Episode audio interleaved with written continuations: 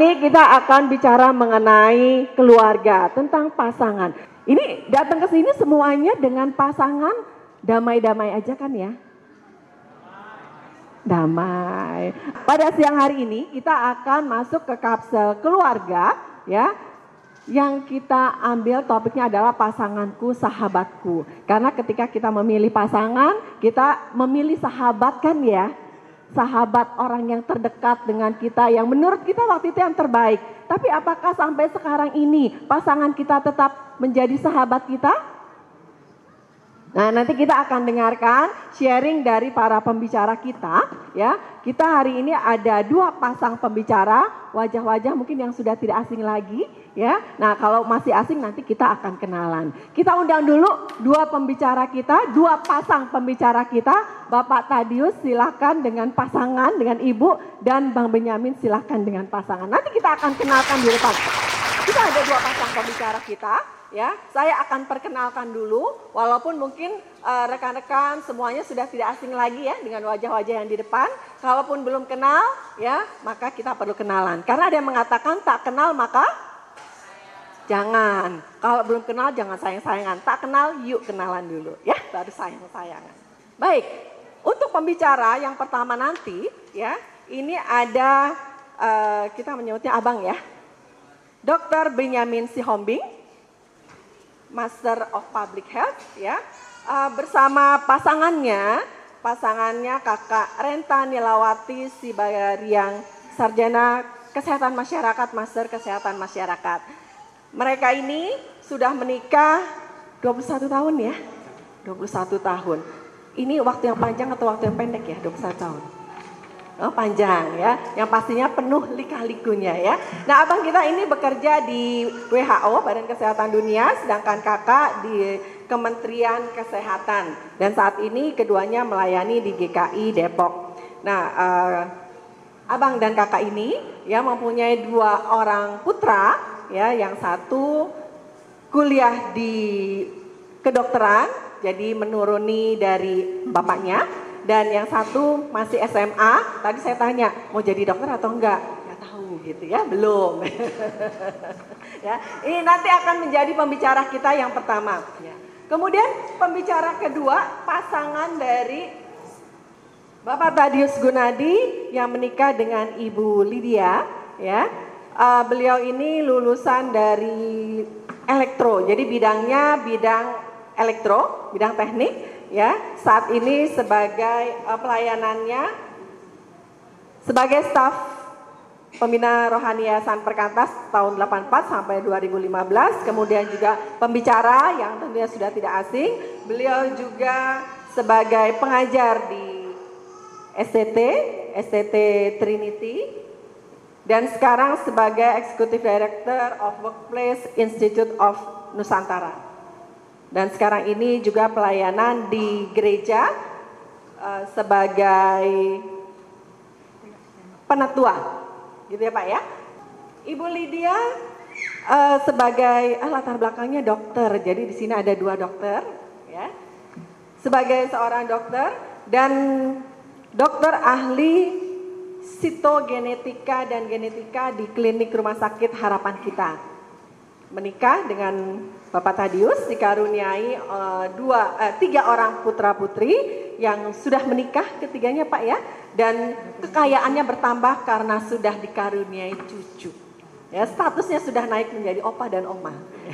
ya, satu hal yang luar biasa sekali ya. Dan Ibu Lydia juga uh, pelayanan di gereja uh, waktu itu juga sebagai penatua di gereja dan melayani sebagai pengurus di Persekutuan Medis Nasional Perkantas. Nah, itulah pembicara-pembicara kita yang nantinya akan uh, membagikan membagikan lika-liku kisah mengenai keluarga terkait dengan pasanganku, sahabatku. Kita langsung kepada pembicara pertama untuk menyampaikan materinya. Kami persilakan Bang Benyamin dan Kakak Renta untuk menyampaikan. Silakan. Teman-teman yang kekasih dalam nama Tuhan kita Yesus Kristus. Ini contekan saya dikasih istri saya.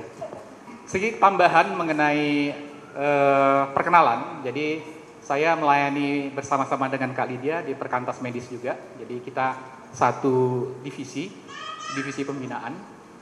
Dan tambahan juga yang lain bahwa 21 tahun usia pernikahan kita itu itu belum sebenarnya. Jadi akan kami rayakan nanti pada hari Rabu. Jadi bagi teman-teman atau panitia yang mau memberikan kado, kami tidak bisa menolak. Baik, untuk memastikan saja tadi apa yang sudah dikatakan oleh moderator, pastikan di samping Anda adalah pasangan Anda ya, bukan pasangan orang lain.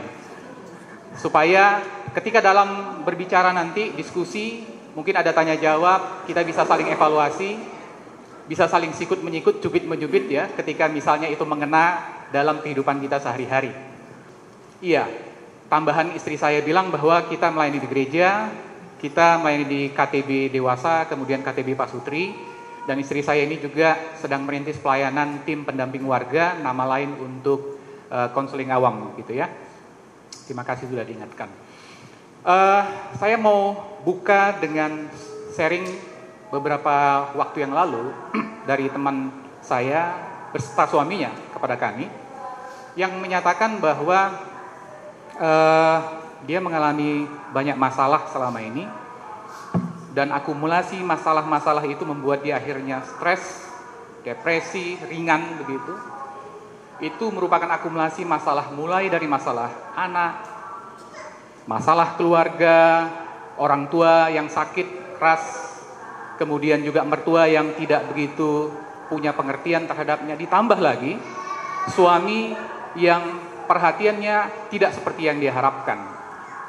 Dan akhirnya akumulasi ini berat yang dia rasakan, dia memilih untuk sharing kepada seorang abang katanya yang sudah dia tahu lama dan sudah dia kenal lama dan dalam beberapa kali sharing dia mengatakan bahwa akhirnya aku bisa mendapatkan kelegaan. Aku nyaman setelah ngomong dengan abang itu. Enggak seperti suamiku ini, suami ada di samping saya. Enggak seperti suamiku ini, abang itu itu selalu memfollow up kalau misalnya sudah bagaimana kondisimu dek, bagaimana perasaanmu, bagaimana bapak, bagaimana suamimu dan segala macam. Ketika mendengar itu saya merasa ada yang salah di sini. Kemudian saya tanya kepada dia, apakah kamu sudah tanya kepada suamimu ketika kamu sharing tentang perasaanmu, tentang keluargamu kepada orang lain? Dan dia katakan sudah dengan ringan dan suaminya juga ternyata setuju dengan itu. Kemudian saya tanya, kamu memang setuju? Saya setuju. Bagi saya, yang terbaik bagi istri saya, ya itu yang terbaik. Jadi nggak ada masalah bagi saya. Kemudian saya bilang kepada dia, menurutku bahwa sebagian peranmu sebagai suami sudah beralih kepada orang lain. Teman-teman, tema ini sangat menantang kita sebenarnya pasanganku, sahabatku menantang kita, sudah sejauh mana kita menerapkan bahwa pasangan kita adalah sahabat kita satu-satunya selama-lamanya. Ini ketika saya ngantar anak saya ke Lampung eh, tahun lalu ketika dia berkuliah, angka perceraian di Indonesia semakin lama semakin meningkat. Data dari Peradilan Agama MA tahun 2016 mengatakan bahwa angka perceraian di Indonesia itu angkanya sekitar 365 ribu perkara perceraian. Tahun 2017 bagaimana? Naik lagi 2.375 ribu sekitar begitu. 2018 meningkat, 2019 trennya juga meningkat. Ini angka yang mengkhawatirkan. Bukan kita sebagai pasangan saja, tetapi sebagai komunitas Kristen, baik yang ada di perkantas ataupun kami yang berada di gereja, ini juga sesuatu yang mengkhawatirkan kita. Kalau misalnya kita lihat angka di Amerika, lebih gawat lagi. Di Amerika, dari 100 pernikahan, menurut data tahun 2018, dari 100 pernikahan, maka 50 pernikahan akan berakhir dengan perceraian. Pernikahan kedua bagaimana? Lebih gawat lagi. Dari 100 pernikahan, maka 75 pernikahan tersebut akan berakhir dengan perceraian pada pernikahan kedua. Jadi agak agak omong kosong kalau misalnya ada yang berpendapat saya bercerai untuk menikah dengan soulmate saya, pasangan sempurna saya yang saya sudah temukan, kemudian saya menikah lagi dengan dia. Kenapa omong kosong? Karena data bilang bahwa dari 100 pernikahan di Amerika, 75% pernikahan kedua maksudnya, 75% akan berakhir dengan perceraian. Ketika kita bicara tentang pernikahan dan perceraian, sebenarnya tujuan pernikah bukan saja supaya tidak bercerai, bukan hanya itu. Karena banyak juga, jangan juga kita berpikir bahwa kalau misalnya dia tidak bercerai, berarti kehidupan rumah tangganya berbahagia.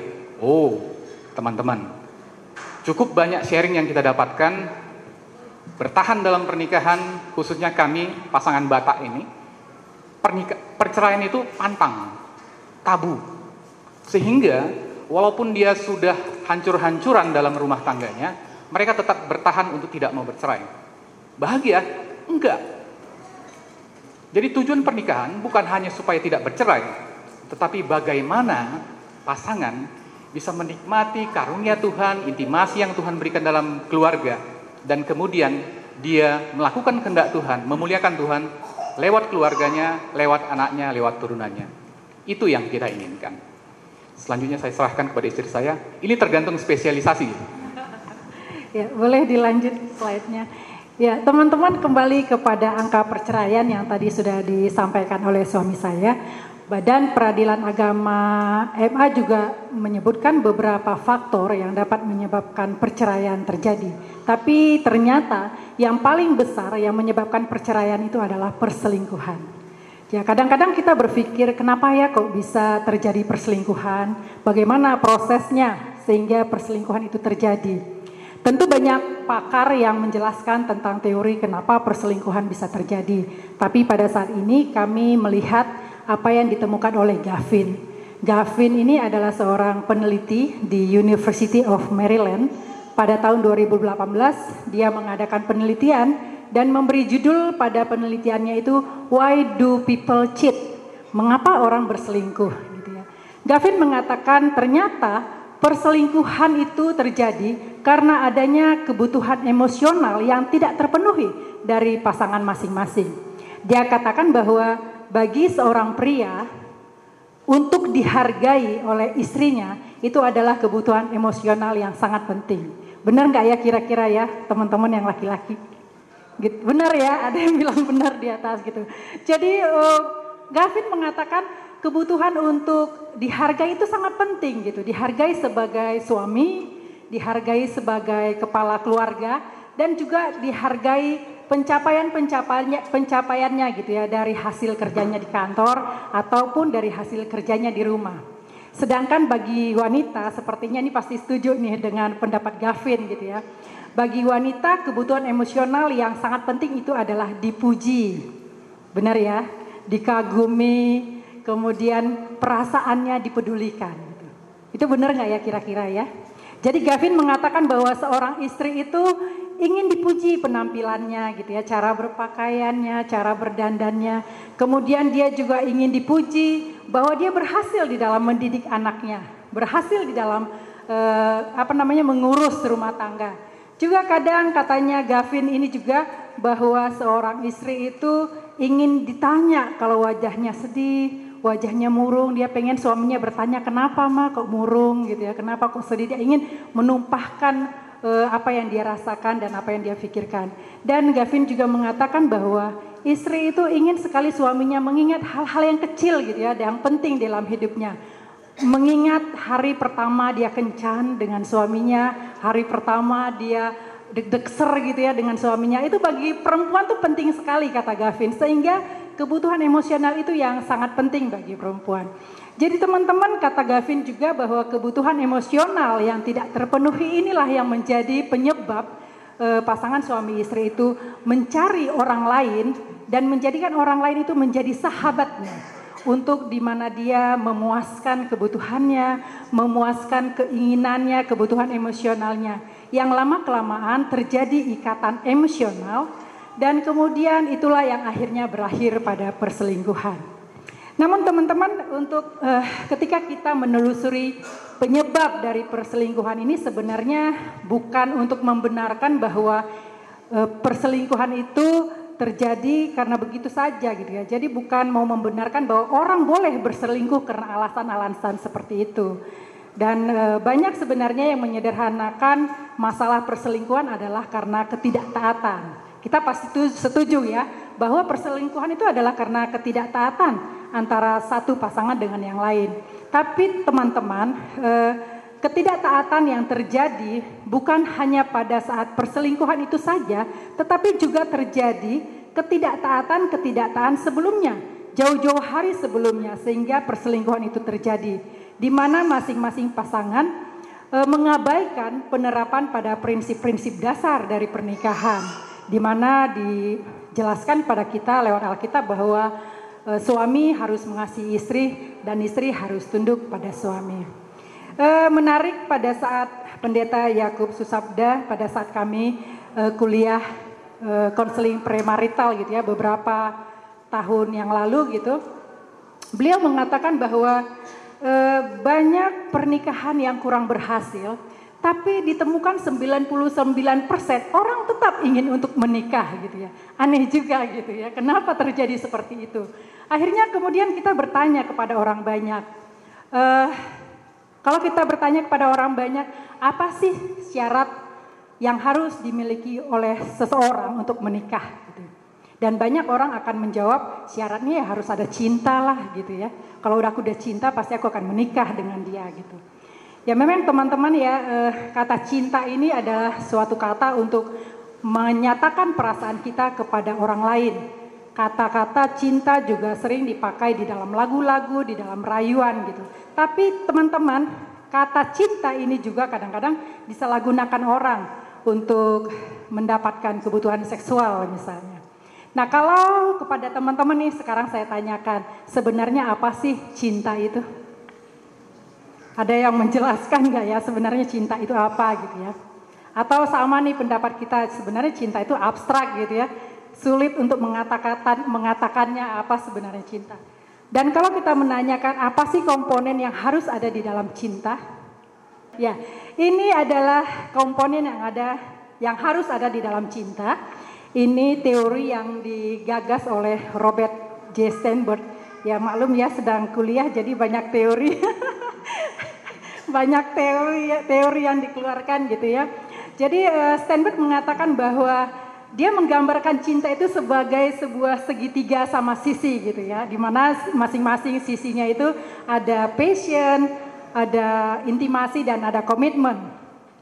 Passion digambarkan sebagai suatu komponen di mana seseorang itu terdorong untuk melakukan sentuhan fisik dengan pasangannya. Sentuhan fisik itu bukan hanya saja dalam hubungan seksual gitu ya, tapi juga belayan seperti yang tadi dilakukan suami saya gitu ya, megang-megang pundak gitu ya. Itu termasuk ke dalam passion gitu. Kemudian bergandengan tangan itu juga termasuk passion. Kemudian ada juga uh, komponen komitmen. Uh, Steinberg mengatakan komitmen itu adalah suatu dorongan bagi seseorang untuk mempertahankan perjalanan cintanya sampai maut memisahkan. Gitu ya. Dia mengatakan bahwa komitmen yang sejati adalah komitmen yang lahir dari dalam diri seseorang yang tidak akan pudar walaupun banyak rintangan yang menghalangi. Ini bahasanya kayak puitis. Dan komitmen yang sejati itu terlihat dari upaya-upaya yang dilakukan oleh seseorang untuk mempertahankan cintanya sampai akhir hayat. Dan yang penting lagi dari cinta dalam pernikahan itu adalah intimasi yang nanti akan kita bahas selanjutnya. Intimasi itu adalah dorongan pada seseorang untuk melakukan kedekatan secara emosional dengan pasangannya di mana dengan intimasi itu dia bisa menghargai pasangannya, menghormati pasangannya, dan juga mempercayai pasangannya sebagai sahabatnya satu-satunya. Baik teman-teman kita akan fokus kepada intimasi dan suami saya akan men menyampaikan kepada kita apa intimasi yang dikatakan dalam Alkitab. Iya, uh, saya nggak tahu Steinberg itu Kristen atau tidak ya. Jadi dia bilang bahwa intimasi itu adalah hubungan emosi. Tetapi kalau misalnya saya membawa teman-teman kembali ribuan tahun yang lalu ketika masa penciptaan. Adam diciptakan masih sendiri, Hawa belum ada. Tapi komen Allah pada waktu itu adalah menarik. Tidak baik kalau laki-laki itu seorang diri saja. Misteri bagi saya sekaligus membuat saya amazed bahwa Allah sudah menciptakan Adam. Tapi dia bilang tidak baik laki-laki itu seorang diri saja. Padahal Adam pada waktu itu sedang punya hubungan yang baik-baiknya dengan Allah.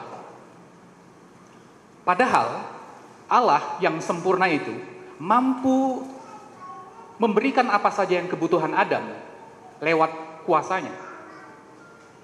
Tetapi Allah memilih untuk membentuk seorang perempuan, membangunnya dari rusuk Adam, memberikannya kepada Adam, kemudian dia satukan dalam kesatuan pernikahan. Itu kenapa Alkitab membenci perceraian. Karena sudah disatukan, asalnya satu, dibuat dua, kemudian disatukan lagi. Dan itu mengapa seorang laki-laki katanya harus meninggalkan ayah dan ibunya untuk bersatu dengan istrinya. Kan bang meninggalkan ayah ibunya. Kalau best friend kan boleh kalau begitu, karena nggak termasuk orang tua orang tua saja yang kita kenal, yang punya hubungan batin emosional yang kuat sejak kita masih bayi sampai dewasa, itu dikatakan harus ditinggalkan, bukan diabaikan, bukan diputus kontak, bukan. Apalagi teman sejati kita yang katanya best friend, apalagi teman kecil kita yang katanya best friend. Itu harus keluar dari pernikahan kita. Itu yang saya sebut di, sana pernikahan adalah a union to end all union. Jadi satu kesatuan yang mengakhiri kesatuan-kesatuan yang lain. Ketika Adam dan Hawa, ketika Adam dan Hawa ciptakan Tuhan, kalau nggak salah di kejadian 2 ayat 25, mereka tahu telanjang, mereka nggak malu. Ini mengekspresikan satu intimasi di antara mereka. Mereka terbuka satu sama lain, tidak ada yang perlu dirahasiakan, tidak ada yang perlu dimalukan, terbuka. Masuk kejadian 3, kejadian 3 ayat 7. Ketika mereka tahu telanjang, mereka akhirnya malu. Kemudian e, membuat cawat dari pohon-pohonan. Mulai timbul rasa malu. Teman-teman, telanjang, malu hanya istilah yang dipakai untuk manusia. Hewan nggak pernah telanjang karena memang sudah seperti itu. Tumbuhan juga nggak pernah telanjang.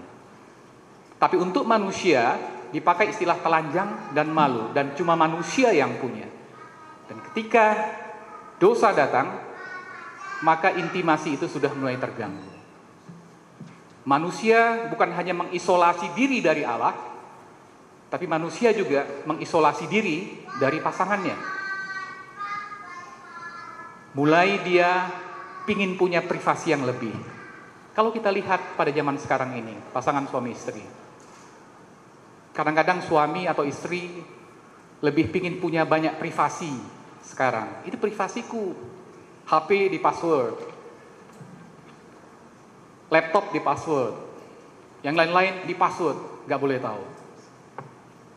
Kemudian pasangan lebih menuntut punya me time katanya daripada family time. Aku butuh untuk diriku sendiri. Padahal kalau kita intip ke kamar, nggak sendiri dia, ada HP-nya juga yang main HP begitu. Apalagi buah dari isolasi atau rusaknya intimasi di antara suami istri. Suami atau istri kemudian sudah mulai melihat banyak kesalahan atau cacat dari diri pasangannya, mulai menuduh. Seharusnya saling melayani, memaafkan, mengampuni, tetapi yang kejadian justru saling menuduh, saling merendahkan, saling melihat banyak kesalahan yang dia miliki. Itu buah dari dosa yang kemudian merusak intimasi. Ketika kita bicara intimasi, teman-teman yang kekasih, intimasi bicara tentang menjadi satu daging dalam kejujuran. Menjadi satu daging dalam keterbukaan antara suami istri. Menjadi satu daging menanggung penderitaan pasangan atas kelemahannya, atas cacatnya, atas kesalahan yang baru dia lakukan, termasuk juga atas dosa yang pernah dia lakukan. Emang mudah menikah? Gak mudah. Kalau kita nggak mau mati demi pasangan kita, nggak mudah menikah itu. Dan itulah harga-harga dari intimasi yang memang harus dipertahankan dan itu yang harus dikerjakan oleh pasangan suami istri di dalam Tuhan, maka intimasi itu masih bisa diperbaiki, masih bisa dilakukan. di dalam nama Tuhan. Saya serahkan kepada istri saya. Ya, eh, teman-teman, memang untuk membangun intimasi bukan suatu hal yang mudah gitu ya. Memang membutuhkan upaya yang sangat besar, energi yang sangat besar gitu ya. Juga membutuhkan waktu dan kesabaran yang sangat panjang gitu.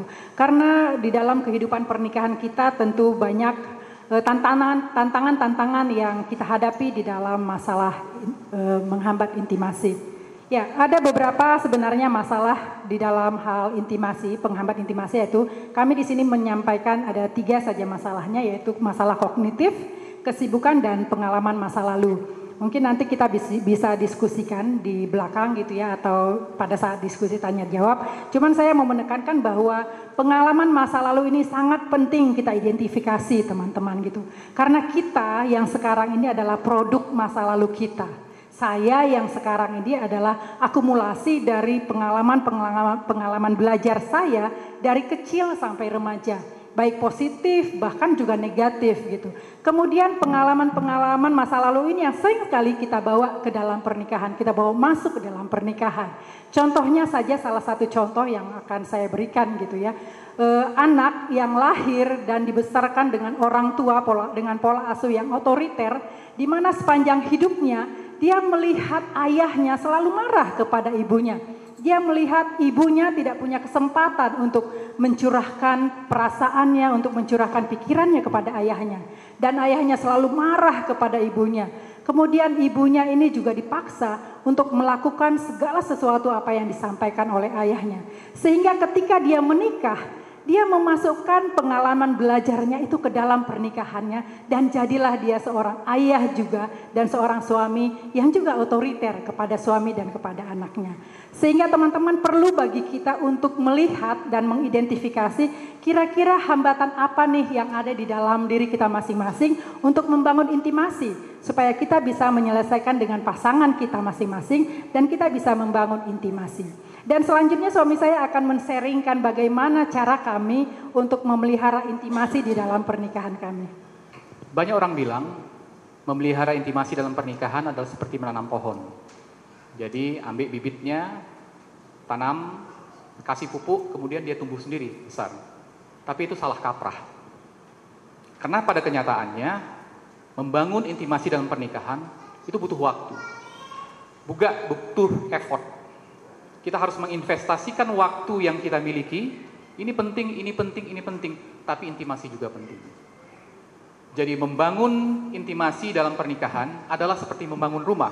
Kita sudah membangun pondasinya, tapi kita harus juga menyiapkan waktu untuk membangun dindingnya, pintunya, jendelanya, rumahnya, atapnya maksud saya.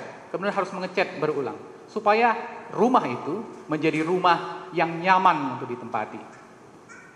Bagaimana yang kami lakukan selama ini untuk mencoba memelihara uh, intimasi di antara kami? Yang pertama, seperti disampaikan, luangkan waktu bersama. Kenapa ini penting?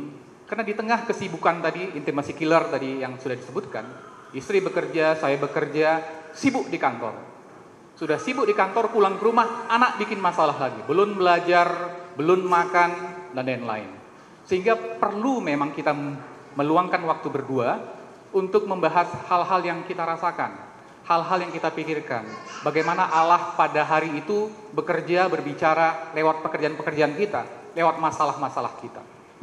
Kami kadang-kadang di tengah kesibukan, biasa hari Jumat gitu ya, itu janjian makan malam bersama gitu. Jadi kita janjian makan solaria yuk, gitu. makan dan kemudian kita setelah makan kita ngobrol-ngobrol bersama, membangun intimasi gitu ya. Walaupun kadang-kadang pada waktu awal uh, agak sulit juga, terutama istri saya ini, gitu ya. Jadi ketika ngomong, kita sudah tekad bahwa kita ngomong tentang kita berdua saja. Tapi yang diomongi kadang-kadang, eh siapa si Theo udah makan ya? Theo belajarnya gimana tadi? Eh pintu tadi waktu kau tinggalkan digembok nggak? Gitu. Jadi agak hancur juga pada waktu awal. Perlu upaya untuk memang betul-betul konsen dengan topiknya, topik berdua nih, jangan topik anak. Topik anak nanti ketika pulang ke rumah kita bahas itu eh, panjang-panjang gitu ya. Jadi biasa kami luangkan waktu bersama, kadang-kadang ke Starbucks gitu ya. Kami bukan pencinta kopi, tapi kami cuma bayar tempat duduknya aja sebenarnya ruangannya. Juga lagi gandrung belakangan ini minum kopi kenangan gitu ya. Yang paling suka saya kenangan mantan. Tapi nggak ingat mantan yang lalu ketika minumnya. Yang kedua adalah mengembangkan hobi atau kesenangan secara bersama. Kami ini suka nonton.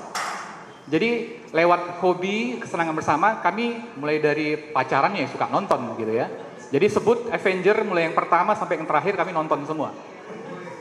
Terakhir kami nonton Aladdin. Asik ya. Jadi Aladdin, kemudian kami juga punya sepeda di dua eh, ada dua sepeda di rumah. Sabtu atau Minggu biasanya kita sepedaan bersama gitu ya. Jadi ya itu menjalin keakraban tadi. Intimasi kan katanya tadi lewat sentuhan, bergandengan tangan. Kalau gereja begitu kan biasa kita jalan bersama.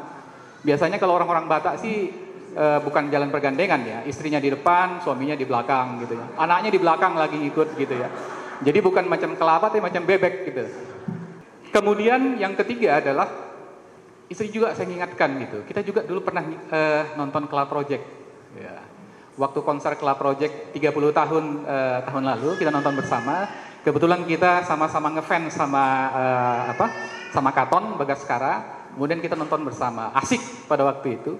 Jadi semua orang nyingkrak tepuk tangan karena kami dari GKI kami nggak berani tepuk tangan. Sorry ya. Yang ketiga, adalah komunikasi yang konstruktif, mendengarkan. Perlu kesabaran dalam mendengarkan. Jadi perlu juga membayar harga ketika kita mendengarkan. Walaupun kadang-kadang pasangan kita menyatakan hal yang sama. Jadi kita ngomong, Pak, ingat gak waktu kemarin-kemarin itu gini-gini gini gitu. Kayaknya itu udah pernah kamu omongkan. Kita ngomong lagi, satu saat lagi, yang dulu gini-gini gini. Itu juga udah pernah kayaknya kamu ngomongkan. Belum dia selesai ngomong, kita potong. Ngomong lagi, Bapak ingatkan dulu waktu begini. Itu juga saya kayaknya sudah pernah. Jadi butuh kesabaran, butuh kesabaran untuk tidak memotong pembicaraan. Dan satu hal yang paling penting dalam komunikasi konstruktif adalah bahwa bukan hanya komunikasi verbal yang kita perhatikan, tapi mungkin komunikasi nonverbal di balik verbalitas itu tadi. Ketika dia ngomong berulang, mungkin dia ingin mengatakan sesuatu. Mungkin kita perlu melihat perasaan di balik pengulangan kata-kata itu. Kita nggak tahu, mungkin ketika waktu awal ketika dia ngomong, kita tidak tanggapi, dia anggap sepi, merasa belum pernah ditanggapi. Jadi perlu kesabaran untuk mendengar, tidak memotong pembicaraan, dan itu membangun intimasi di antara suami istri gitu ya. Kemudian yang keempat adalah keterbukaan. Ini yang paling sulit saya pikir.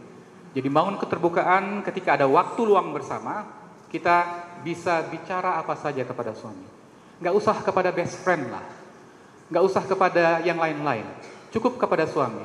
Karena kalau kita lihat kejadian itu tadi, di, pada kejadian tadi, Tuhan menganggap Adam tidak baik seorang diri saja. Sebenarnya dia bisa memperbaiki Adam supaya fix gitu. Tapi dia ambil seorang perempuan, Hawa. Dikasihnya ke Adam dalam kesatuan pernikahan sempurna. Gak usah cari yang lain. Ngomong sama suamimu, ngomong sama pasanganmu, ngomong sama istrimu. Ngomong secara terbuka. Kita juga jangan baperan lah kalau misalnya suami istri ya. Kita bisa baper sama bos, sama teman, tapi suami istri yang 21 tahun menikah, ya jangan baperan lah kalau diomongi Pak kayaknya tadi uh, aku lihat ada kumismu kayaknya berat sebelah lah, ada yang kiri nggak sama dengan yang kanan. Ya nggak apa-apa, itu juga merupakan evaluasi bagi saya misalnya, kurang rapi misalnya cukuran.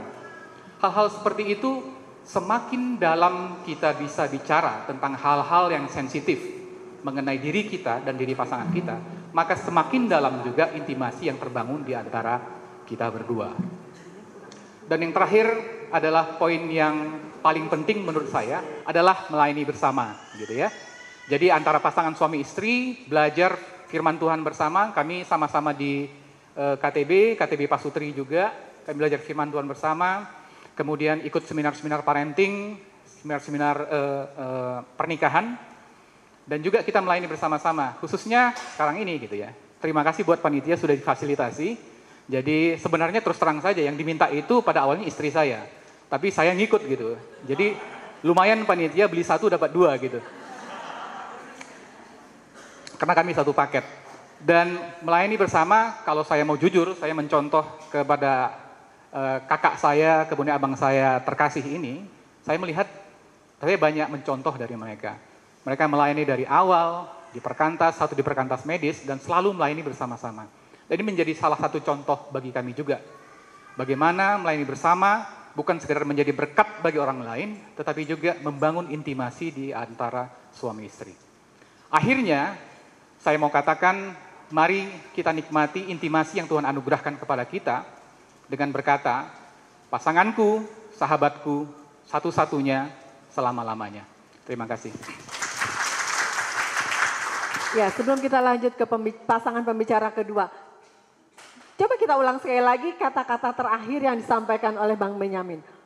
Pasanganku, sahabatku, satu-satunya. Oh, selama-lamanya. Pasanganku, sahabatku, satu-satunya, selama-lamanya. Coba sekarang katakannya dengan pasangannya. Jangan dengan pasangan orang lain. ya, jangan salah pasangan. Nah, gimana rasanya yang menerima? Enak nggak? Enak kan ya? Ya, ya tadi itu sharing dari Bang Benyamin dan Kak Renta. Ya, nanti kalau ada yang mau ditanyakan, tunggu dulu, catat dulu, tunggu tanggal mainnya, tanya sepuasnya nanti pada sesi berikutnya. Ya, berikut ini kita akan juga mendengarkan sharing yang akan disampaikan oleh Bang Tadius bersama Kak Lydia. Ya, tentunya juga ada hal yang menarik di dalamnya di dalam mengarungi kehidupan berkeluarga sebagai suami istri. Silakan kita kasih tepuk tangan dulu buat supaya kita semangat. Masih selamat siang.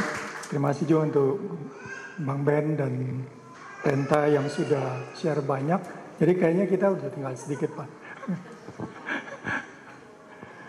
Ya, uh, bagian kami itu membukakan pentingnya bonding dan komunikasi dalam pernikahan dan mendorong Pak Sutri untuk mengenali dan berjuang menang menghadapi pihak ketiga. Saya yang bagian dua, nanti istri saya yang mengenai pihak ketiga. Uh, saya ingin bagikan firman Tuhan, satu tentang bonding ya, masalah pertama tentang bonding. Uh, saya ingin bagikan dari Amsal 2 ayat 17. Mungkin satu ayat yang saya sendiri bertahun-tahun baca nggak pernah menangkap sebenarnya apa sih yang penting dari ayat 17 nih. Dikatakan begini, yang meninggalkan teman hidup masa mudanya dan lupa ini tentang berjinahan ya. Kalau kita lihat di atas tentang wanita yang berzina kalau nggak salah. Lalu dibilang yang meninggalkan teman hidup masa mudanya dan melupakan perjanjian Allahnya ya. Jadi itu satu kata yang di yang dipakai di situ melupakan perjanjian dengan Allahnya. Kata-kata ini, perjanjian ini sudah dalam bahasa Inggrisnya itu adalah kata covenant. Perjanjian covenant.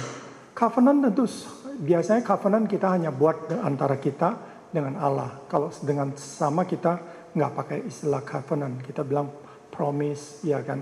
Tapi kalau covenant itu hanya misalnya Allah bikin perjanjian dengan Abraham itu covenant. Ya kan? Itu satu kata yang sangat serius.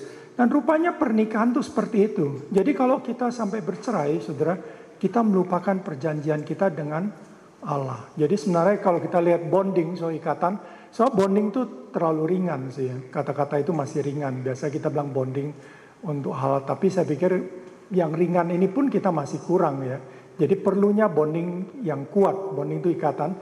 Nah kita lihat kalau bonding-bonding kita pertama janji nikah di hadapan pendeta, jemaat, keluarga. Biasanya kita cuma nangkapnya itu bahwa kita di gereja, kita di hadapan pendeta, jemaat, keluarga. Kita lupa sebenarnya waktu kita di gereja, kita diberkati sebenarnya yang paling utama adalah kita sedang melakukan perjanjian di hadapan Allah. Cuman kan itu membutuhkan iman yang luar biasa, membutuhkan kesadaran bahwa aku sekarang ini depan Allah ya disaksikan. Jadi bukan di depan pendeta sebenarnya seharusnya bukan di hadapan pendeta jemaat keluarga tapi disaksikan oleh mereka. Tapi yang paling utama di hadapan Tuhan. Itu yang paling menyadari itu membuat saya tentu lebih serius ya bahwa kalau saya cerai berarti saya benar-benar nggak menghargai Allah yang menyatukan saya ya. Jadi itu salah satu yang sangat serius. Itu yang covenant itu bukan sesuatu yang sederhana kita lakukan. Yang kedua adalah catatan sipil secara hukum di hadapan keluarga, saksi, pejabat pemerintah biasanya. Biasanya itu keluarga ada, ya kadang-kadang keluarga nggak ada datang, tapi minimal saksi. Tapi biasa saksi keluarga atau saksi teman biasanya. Lalu pejabat pemerintahan. Ini lebih bersifat ikatan sosial tuh bisa masuk juga di atas ya ada keluarga, ada teman, ada sosial di situ. Kita ngundang resepsi pernikahan itu ikatan sosial. Tapi kalau kita udah bikin catatan sipil itu udah secara hukum. Makanya kalau kita cerai dibilang talak kan, talak satu talak dua dan talak tiga dan seterusnya. Lalu yang ketiga, bonding yang ketiga ini lebih bersifat bukan hukum, bukan bukan cuman satu ritual di depan Allah bahwa kita udah terikat, tapi kita melakukan hubungan yang sangat dalam antara pria dan wanita yang kita sebut seks itu ya. Jadi seks dalam pernikahan itu suatu yang sangat dalam. Di 1 Korintus 6 ayat 15 dibilang, tidak tahukah kamu kalau kamu main pelacur, kamu sudah terikat dengan dia. Dia bilang begitu. Jadi itu udah sangat serius. Jadi satu ikatan yang luar biasa kalau kita lakukan. Jadi kalau kita sembarangan melakukan berarti kita sangat nggak menghargai ya jiwa kita, raga kita kita nggak menghargai gitu. Jadi ini sesuatu yang menjadi satu daging Matius 19 56 dikatakan bahwa menjadi satu daging, bukan lagi dua tapi satu gitu ya. Keintiman yang paling dalam adalah dalam pernikahan. Jadi itu yang membuat sebenarnya pernikahan itu sangat spesial ya suami istri, sangat sangat spesial. Kita nggak sembarangan. Jadi kalau kita punya suami atau istri itu pasangan ataupun pribadi yang paling luar biasa ya di tempat lain ditulis mereka telanjang tapi mereka nggak merasa malu karena ya itulah kesatuan yang sudah dinikmati sebagai suami istri gitu ya. Dengan yang lain pasti beda. Lalu tentu ikatan yang lain lagi keluarga besar dan anak ya. Jadi yang nggak punya anak biasanya keluarga besar itu salah satu ikatan. Jadi kenapa banyak perceraian di banyak negara saudara karena ikatan keluarga juga makin kurang. Tadi Bang Ben udah bilang di um, suku Tapanuli itu sangat sulit untuk cerai karena ikatan keluarganya saya rasa sangat kuat ya kan bisa dimaki banyak orang itu kira-kira begitu ya. Jadi ikatan keluarga itu satu ikatan yang menurut saya bonding yang perlu kita sadari. Makin loose ikatan keluarga makin memudahkan kita untuk berselingkuh lalu bercerai. Jadi kalau kita masih punya ikatan keluarga maka kadang-kadang bagus juga kalau kita ke gereja itu masih ada keluarga. Ya kan, jadi kelihatan kalau kita selingkuh nggak ke gereja kok mana dia nggak muncul gitu ya kan. Itu tapi kalau kita udah loose gitu wah itu mempermudah ya untuk melakukan seperti itu. Kalau di saya dengar di Korea misal di Seoul mereka bilang banyak banget sekarang mereka tuh udah cerai tapi kalau misalnya ada acara keluarga mereka muncul lagi tuh suami istri padahal mereka udah cerai. Tapi mereka kumpul hanya untuk kepentingan keluarga. Tapi biasanya mungkin keluarganya tuh dari di luar gitu ya, di mana gitu. Jadi mereka hanya muncul sekali-sekali dan datang lagi sama istri yang mereka kenal. Padahal sebenarnya mereka udah cerai atau minimal pisah. Jadi dan keluarga. Nah kalau punya anak itu tentu spesial lagi. Entah itu anak adopsi maupun anak sungguh, kita tentu rindu bahwa aduh banyak kan kalau kita lihat pasangan-pasangan nggak mau cerai hanya kan demi anak, betul nggak? mereka kasihan anak mereka nanti nikah, orang tua nggak lengkap, jadi mereka masih pertahankan, pertahankan, padahal sebenarnya mereka tuh udah bermasalah dalam pernikahannya gitu. Tapi biasanya kadang-kadang kita lihat suami istri yang punya problem pun yang sering-sering menyatukan orang tuanya adalah anaknya. Nah, anaknya yang mendoakan, anaknya nangis, anaknya mohon-mohon bapak ibunya jangan cerai, kita sering lihat itu ya. Mereka berusaha untuk supaya orang tuanya tidak bercerai. Jadi ikatan keluarga salah satu. Jadi bonding-bondingnya cukup besar ya, cukup banyak yang kita bisa lihat di dalam pernikahan. Next. Dan dalam membangun bonding, saudara ini yang tadi bondingnya banyak ikatan, tapi sekarang bonding juga sesuatu yang harus kita upayakan, bisa kita lakukan. Jangan kita cuma pikir ah udah di gereja, oke okay, udah catatan sipil, istri-istri itu yang saya perhatiin begitu. Istri wanita tuh kalau udah catatan sipil dan gereja rasanya udah aman. Nggak mungkin suamiku jangan terlalu naif ya, jangan terlalu naif. Ya kan, suaminya tuh kadang-kadang masih punya keinginan-keinginan yang kau nggak terpenuhi akhirnya terbuka pada yang lain gitu. Jadi yang uh, suami juga sama terhadap istri. Kadang-kadang suami pikir udah aman semua, dia nggak peduli lagi istrinya ya, sehingga akhirnya bondingnya makin lama makin kurang. Menurut saya yang paling utama adalah perlakukanlah pasangan paling spesial. Jadi kita harus pasangan kita tuh orang yang paling spesial dalam hidup kita. Tentu saya ngomong gini nih, enggak. Saya juga bukan orang yang romantis banget, hebat banget gitu, enggak gitu kali dia tahu deh. Iya kan, tapi tentu saya pikir dari semua cewek yang saya perlakukan lebih spesial cuma dia lah, nggak ada yang lain, betul nggak?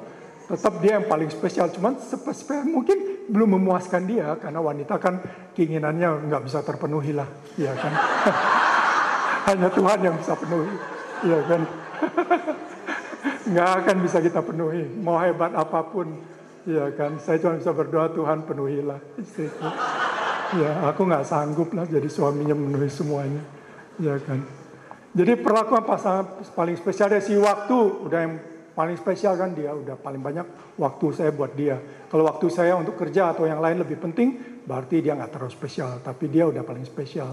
Dari segi perhatian ada nggak yang saya perhatian lebih dari dia? Rasanya nggak ada. Dia yang paling banyak ya kan perhatian saya. Dari segi kata-kata, nah dari kata-kata ini ya sering gagal juga sih saya. Ya kan. Jadi kind words tuh ya kata-kata yang baik itu biasanya sebelum nikah kita manis sekali.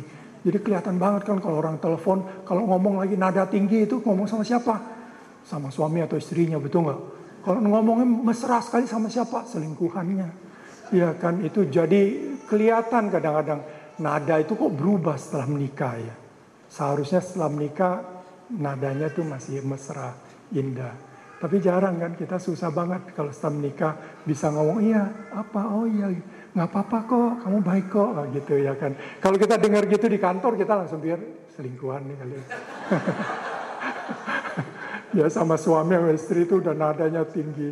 Itu kata-kata juga kita harus belajar ya. Saya masih belajar terus saudara bagaimana bisa ngomong dengan lembut, dengan baik sama istri saya ya kan itu satu hal yang ya ini juga saya rasa SKS-nya banyak tuh. Sampai sekarang nggak lulus lulus gitu ya kan. Mesti ambil lagi ambil lagi. Lalu kesukaan ya kan. Kita juga berikan kesukaan yang terbaik saudara ya. Saya harus memberikan yang terbaik pada istri saya. Ya istri saya juga pada saya gitu ya kan. Jadi itu satu hal. Nah um, semua tapi dari survei-survei mengatakan pria itu kebutuhan seksualnya sangat tinggi secara umum. Nah, nggak banyak wanita menyadari bahwa pria itu kebutuhan seksualnya sangat tinggi. Ya kan, membuat wanita mungkin seminggu sekali udah cukup. Buat pria seminggu bisa dua tiga kali. Bahkan ada satu survei memperlihatkan bahwa pernikahan dalam 10 tahun, saudara kalau seminggu mereka bisa main empat kali dalam seks. Itu nanti setelah nikah, setelah 10 tahun, mereka masih bisa satu sampai dua kali. Tapi kalau yang sekarang dalam 1 sampai 10 tahun, cuma seminggu sekali, nanti setelah di atas 10 tahun, bisa sebulan, dua bulan, tiga bulan sekali. Parah, bukan main. Nah kalau udah makin lama, makin mainnya makin lama, saudara, nanti suaminya cepat kena prostat. Menurut salah seorang dokter seksologi mengatakan bahwa orang yang prostat itu sangat mungkin itu saya langsung pikir, ih gila juga ya Tuhan kasih gitu supaya kita tuh teratur, gitu. Jangan nggak teratur. Jadi kalau hubungan seksual udah nggak teratur, padahal kebutuhan itu Tuhan ciptakan tubuh kita organ seks semuanya tuh secara teratur akan mengeluarkan sesuatu ya kebutuhan sesuatu itu kok nggak terpenuhi? Nanti ada penyimpangan-penyimpangan termasuk prostat dan seterusnya. Maka prostat kenapa orang-orang di atas 80-an kan karena udah berhenti seksualnya betul nggak? Karena berhenti hubungan seksual lalu kena prostat gitu ya kan? Tapi kalau seksual dilakukan secara teratur Nah dokter tuh bilang kalau teraturnya sebulan sekali ya sebulan sekali nggak apa-apa, tapi sebulan sekali jangan nggak teratur dia bilang gitu. Kalau seminggu sekali ya seminggu sekali harus teratur, maka kemungkinan kena prostat kecil gitu ya. Jadi itu Tuhan sudah atur masalah kesukaan. Jadi kalau istriku suka ya kan kita juga harus memperjuangkan. Maka nggak heran kan di Alkitab mengatakan bahwa tubuh tubuh kamu bukan milik kamu lagi tapi milik pasanganmu. Karena ada firman Tuhan begitu, ya kan? Kenapa itu diberikan? Itu untuk menyadarkan bahwa saya ini sekarang udah nikah, saya bukan milik saya lagi, milik istri saya. Kalau istri saya butuh, saya harus layani dia. Ya, ini bukan milik saya, jadi udah milik bersama, milik dia untuk saya. Saya juga, dia juga untuk saya gitu.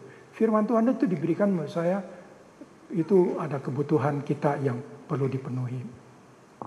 Lalu dari segi intiman juga perlakuan juga ya kan dia spesial, paling spesial gitu. Maka di artikel-artikel selalu bilang bahwa kita harus kasih surprise sama pasangan kita dan seterusnya. Perlakuan spesial dan seterusnya. Itu banyak kok. Baca aja artikel banyak banget um, apa namanya ide-ide untuk bagaimana untuk spesial dan seterusnya.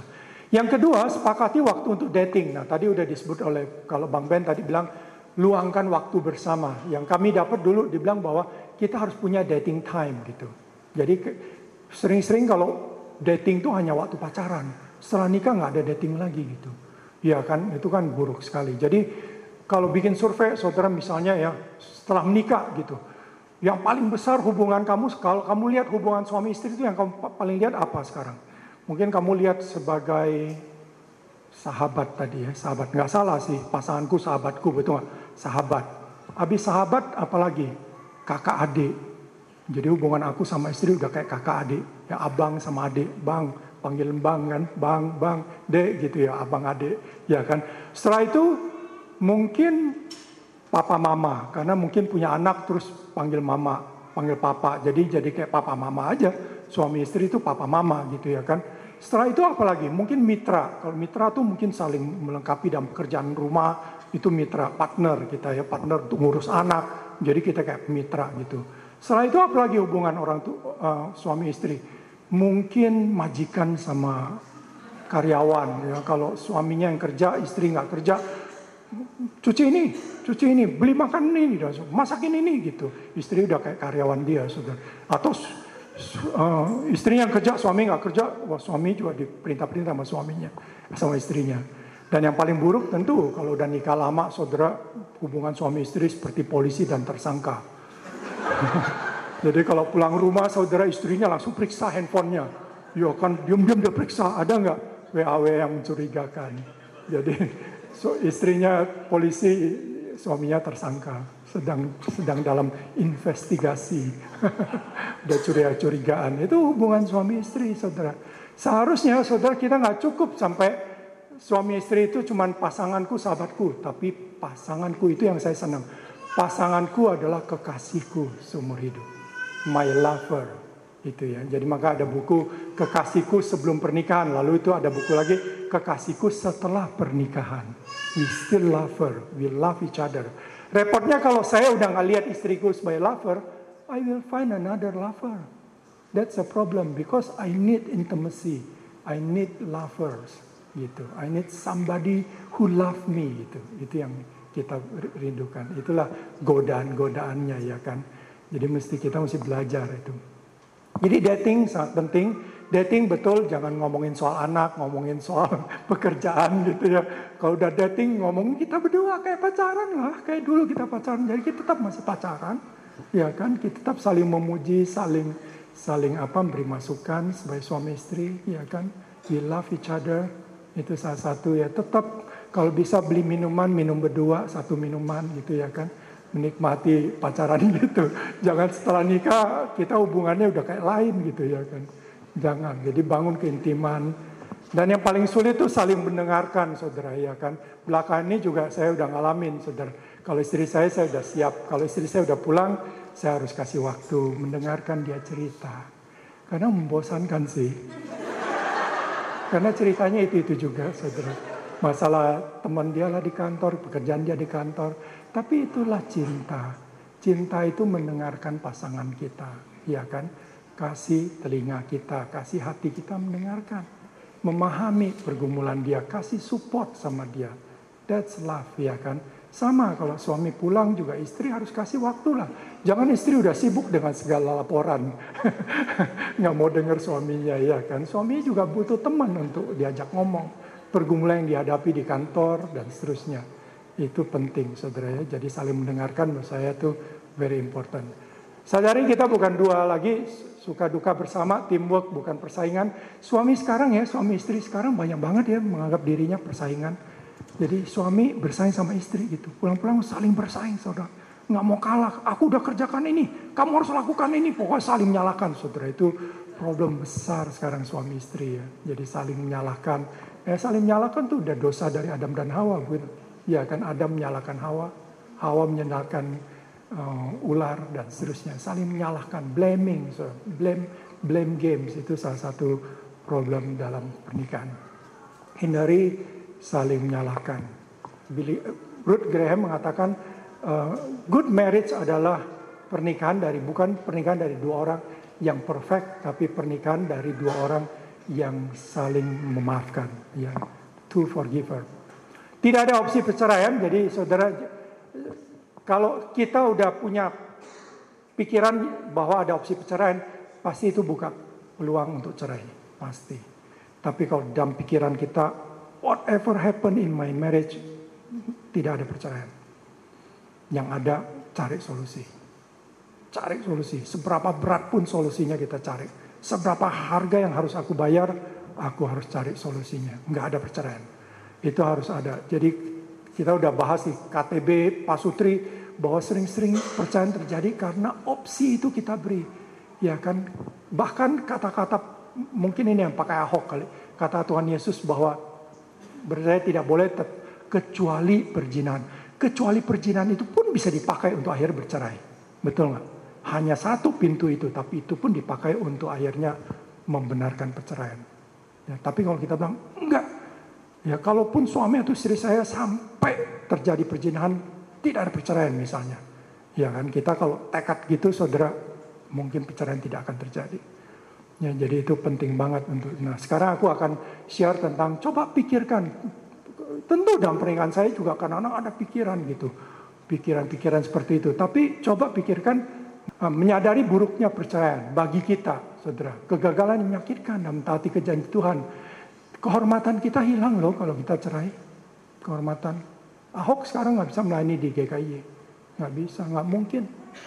GKI keras sekali, saudara. Gereja nggak mungkin melayani lagi. Jadi penatua sudah cerai, nggak ada nomor kehormatan kita hilang. Belum lagi kehormatan kita sebagai bagi anak-anak. Dan kebayang, yang kebayang sama saya, saudara, kalau aku mengizinkan untuk cerai, bagaimana aku bisa ngomong sama anakku yang mau cerai juga? Betul, anakku juga akan bilang, papa aja cerai, masa aku nggak boleh? Jadi aku akan, lingkaran itu akan terus terjadi pada anak-anakku, pada keturunanku. Maka dibule, saudara, kenapa perceraian terus terjadi? Karena ya udah sekali dikasih pintu terus sampai bawah. Ya kan anaknya kalau orang tuanya bilang janganlah jangan cerai papa juga udah susah cerai tapi papa kan akhir cerai juga kan ya kan kenapa aku nggak boleh gitu ya susah akhirnya perceraian tidak habis-habisnya ya jadi harus kita jaga jangan sampai cerai itu buruk sekali yang pengaruhi sekali. Jadi kalau mau cerai itu harus pikirkan the cost-nya. Termasuk juga kalau kita mau selingkuh. Kalau saya mau selingkuh ya kalau lihat indahnya sih wah indah sekali.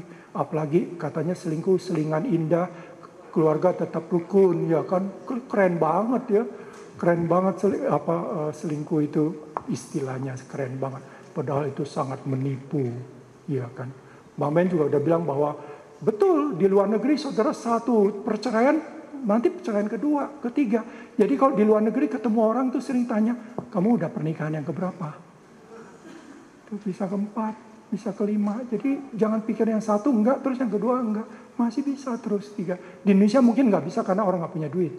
Mau kawin lagi udah susah betul nggak? Dia nggak mau kawin lagi karena dia. Tapi sebenarnya nggak ada nggak ada jaminan bahwa kalau kamu gagal pertama kamu kawin kedua lebih berhasil. Enggak. Sama aja saudara. Jadi sebenarnya meter bagaimana kita menghadapinya. Bagi pasangan juga masalah, terus buruk bagi anak-anak kita, saudara. Mendukakan banyak orang, khususnya orang tua kita, saudara, teman-teman. Saya yakin Mama Ahok pasti sangat sedih Ahok cerai atau mendukakan Tuhan yang telah mempersatukan kita. Next. Nah, komunikasi saya sampai di sini. Penting untuk bangun bonding, saudara, kesehatan pikiran. Jadi komunikasi itu nggak boleh, nggak boleh sampai macet. Jadi pernikahan kita, kalau udah susah komunikasinya, harus cari jalan keluar. Harus cari jalan keluar. Kalau perlu ke konselor, cari konselor. Kesulitan komunikasi apa? Apakah Kenapa istri saya diam? Kenapa istri saya nggak mau ngomong? Kenapa suami kalau ngomong selalu nada tinggi dan seterusnya? Harus cari jalan keluar. Komunikasi itu di buku Norman Wright dibilang komunikasi itu seperti darah dalam tubuh. Tanpa komunikasi pernikahan itu mati, dibilang gitu. Jadi komunikasi itu harus terus dijaga open, terbuka dan harus jalan dengan baik ya. Jadi komunikasi kita lihat pengaruhnya banyak saudara untuk bangun kemesraan perlu komunikasi. Untuk bangun intimasi perlu komunikasi. Untuk mencegah konflik itu perlu komunikasi. Untuk mengatasi kesalahpengertian yang sepele salah paham sepele perlu komunikasi. Jadi komunikasi sangat penting ya. Jadi perjuangkan komunikasi suami istri. Lydia akan teruskan Oke, okay, saya mau masuk yang berikutnya uh, tentang proteksi terhadap pernikahan. Gitu ya. Jadi uh, tadi sudah dibahas dengan Ben dan Renta, kemudian Tadius. Kemudian saya pikir kenapa panitia KTA ini memikirkan bahwa perlu kita memikirkan bagaimana melindungi pernikahan kita ini yang kita ikatan background ikatannya itu segitu bagus dan seriusnya bagaimana melindungi bagaimana punya pernikahan yang affair proof gitu ya? Tapi kita nggak bahas cuma affair proof pada saat ini. Jadi dalam beberapa menit ini saya mau share tentang kenapa kita perlu pernikahan kita perlu diproteksi terus menerus karena banyak hal yang terus berkompetisi dengan keutuhan pernikahan kita. Nanti kita lihat apa saja itu ya. Banyak orang termasuk saya setelah kira-kira 5-10 tahun pernikahan, saya masih terus berpegang pada pikiran, kalau dia anak Tuhan, suamiku anak Tuhan, kami menikah dengan serius, pergumulan, didukung oleh banyak staf-staf perkantas, hamba Tuhan dan sebagainya. I trust that my marriage will stay the same uh, with the beginning of our marriage. Akan tetap sama seperti itu. You cannot say that. Di dalam pernikahan, dalam perjalanan waktu pernikahan kami yang 34 tahun, tidak sebegitu rupa. Beda. Bahkan kadang-kadang pernah tercetus dalam pernikahan kami, kalau kamu ternyata kayak gini, aku nggak jadi loh nikah sama kamu. Loh, kenapa berubah ya setelah pernikahan? Ya, jadi kita baru melihat bahwa kadang-kadang pasangan kita berubah. Bukan cuma bentuk badannya, bentuk anatominya, tapi tapi cara berpikir ya, value juga berbeda. Kenapa dulu kamu bisa berkorban, sekarang kok pelit banget gitu ya. Jadi beda gitu ya. Nah, itu hal-hal yang berkompetisi, value yang berbeda dan sebagainya. Nah, sering kali adanya pihak ketiga bukan isu utama pernikahan. Ini yang saya dapat belajar baru ya. Pihak ketiga adalah akibat. Ya, pihak ketiga itu adalah akibat atau gejala dari isu-isu utama di dalam pernikahan. Jadi biasanya pihak ketiga itu tidak akan bisa masuk kalau tidak ada isu-isu lain yang lebih utama. Contohnya, isu utama bisa saja adalah masalah relasi atau adalah masalah karakter, immaturity. Ya, jadi sebelum kawin, sebelum menikah, immaturity-nya nggak kelihatan karena dipoles, ya, jaim, dipoles, dan mungkin itu bertahan 3 sampai 4 tahun. Karena itu, ketika sudah tahu aslinya, mulai terjadi oh saya salah pilih dan ada opsi perceraian dan sebagainya. Jadi kenali isu utama pernikahan dan atasi sesuai dengan apa yang ada. Next. Nah, hadapi pihak ketiga dengan bijak. Ya. Jadi bisa bisa apa contohnya? Pihak ketiga itu tidak selalu wanita lain atau pria lain, tapi bisa juga orang tua. Ya. Khususnya hubungan mertua atau ibu pentingnya meninggalkan orang tua dan bersatu dengan istri kita. Ya, contohnya Ahok ya. Bangun tidur pertama kali dia telepon mamanya. Ya, dia itu tidak ada yang salah ya. Tetapi kalau itu per, uh, uh, apa namanya uh, pasangan kita seperti itu, omongan mamanya itu fatwa di dalam pernikahan mereka. Ya, bukan pendapat masing-masing. If you marry and then pendapat orang tua atau mertua dan sebagainya itu masih menjadi fatwa atau kata akhir dari pernikahan. Be careful.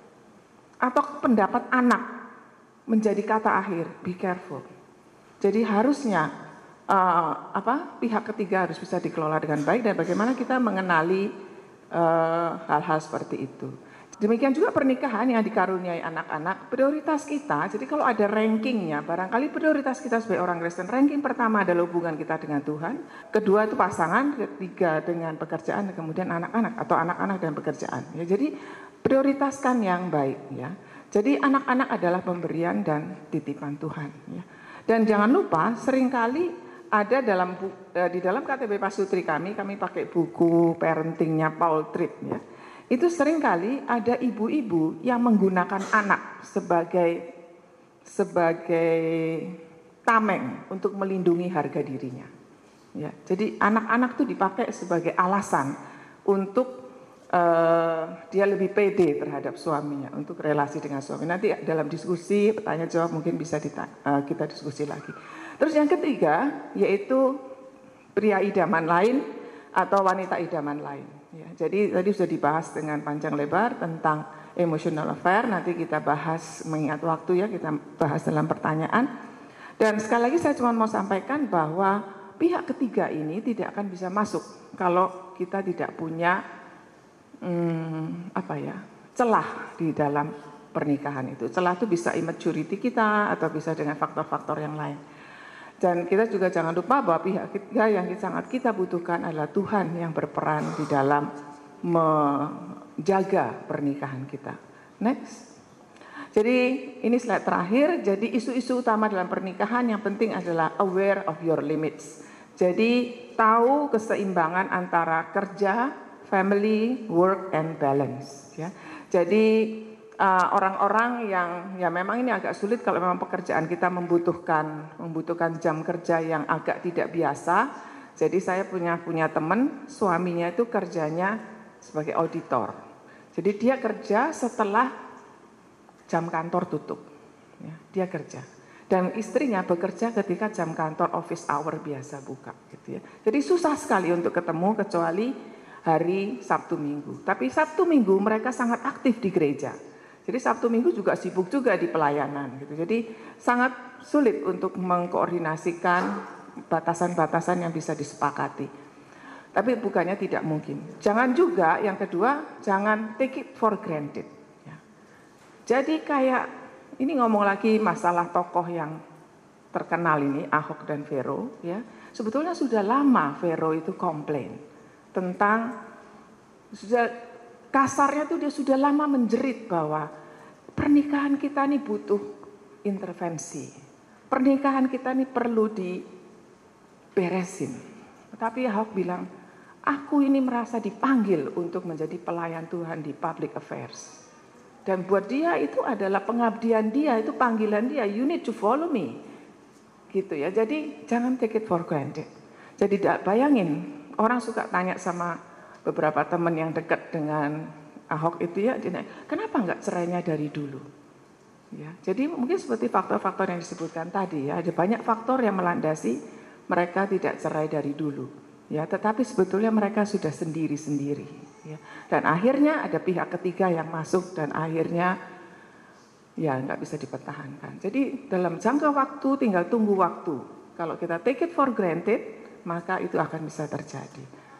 Kemudian isu maturity misalnya ketidakmampuan untuk hidup dalam keperbedaan tadi sudah dijelaskan tidak mungkin memuaskan wanita itu ya benar juga gitu ya dan tidak mungkin juga memuaskan pria sama juga gitu ya tapi nanti kita bahas. Nah uh, yang terakhir adalah sadari berbagai intruders atau hal-hal yang pihak ketiga itu dalam pernikahan misalnya pekerjaan Pekerjaan itu kita doakan supaya kita dapat pekerjaan yang baik sesuai dengan panggilan kita, tetapi dia bisa menjadi uh, pihak ketiga. Kemudian gadget, saya harus akui, kadang-kadang kalau kita pulang dari kerja, macet dan sebagainya, kita perlu relaxing time, sometimes. Ya. Jadi kayak saya kalau pulang dari rumah sakit, macet gitu ya, saya butuh sekitar 10-15 menit to cooling down gitu ya apa yang dilakukan? Sesuatu yang nggak pakai otak mikirnya. Buka Facebook, dengerin musik, atau nonton, atau tidur gitu ya. Nah kadang-kadang itu buat suami saya mengganggu gitu. Pulang-pulang bukan bukannya komunikasi dengan suami atau apa gitu ya, tapi melakukan hal yang lain. Nah itu perlu diwaspadai. Atau main game ya. Saya suka main game yang puzzle gitu ya. Jadi Padahal itu kan ya mikir ya, tapi I like it gitu ya. Dan itu 10-15 menit kadang-kadang keterusan. Padahal udah waktunya masak gitu ya buat makan malam gitu. Jadi semuanya serba kayak domino efek gitu ya. Terus jadi makannya jam 8 dan sebagainya dan sebagainya. Itu itu itu mengganggu. Kemudian teman-teman dekat.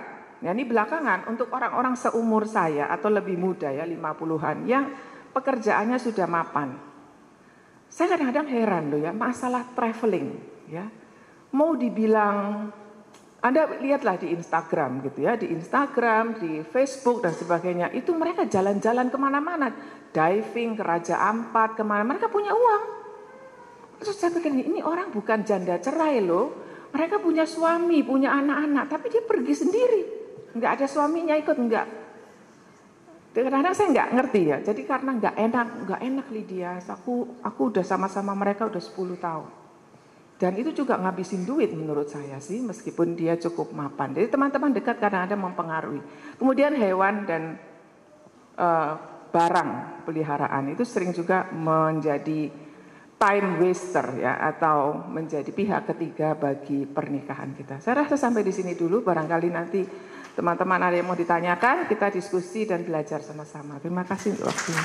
Ya, tadi kita sudah mendengar ya pemaparan dari Bang Benyamin dan bersama Kak Renta, kemudian Pak Tadius bersama Kak Lydia. Ternyata ceritanya banyak ya di dalam berkeluarga.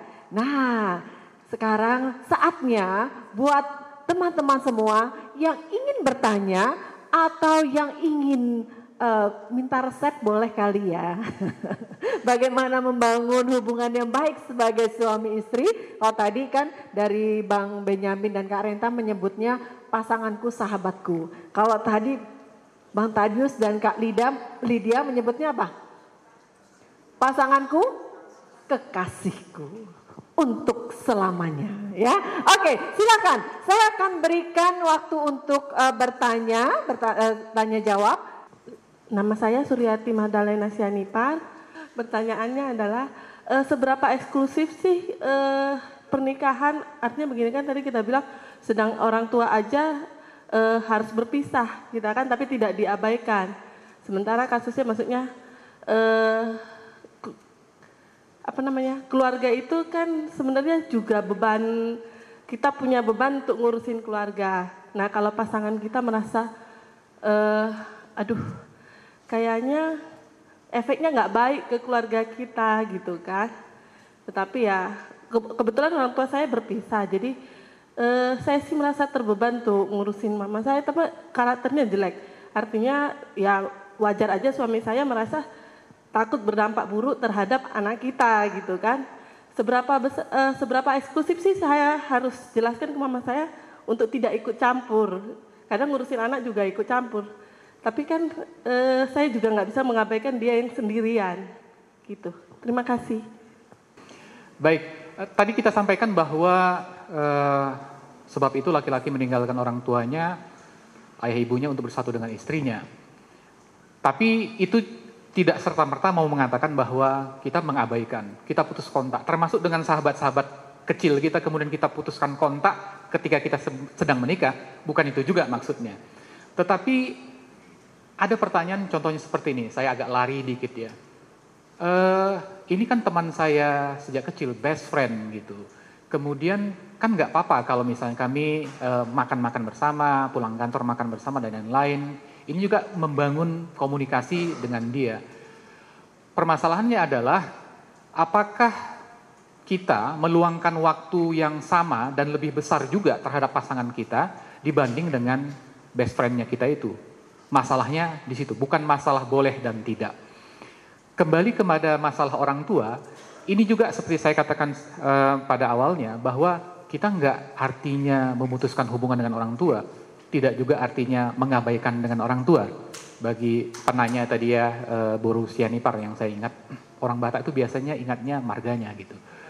Pada Boru Sianipar, e, justru Alkitab juga menuntut kita memang harus mengurus menghormati, kemudian juga mengurus orang tua kita. Kalau enggak, katanya kita lebih jelek daripada orang yang tidak tidak kenal Tuhan. Artinya orang tua kita juga masih menjadi tanggung jawab kita dalam hal-hal e, kebutuhan fisiknya, kebutuhan mentalnya dan yang lain. Tapi masalahnya adalah dalam mengambil keputusan untuk keluarga kita, ini yang harus eksklusif.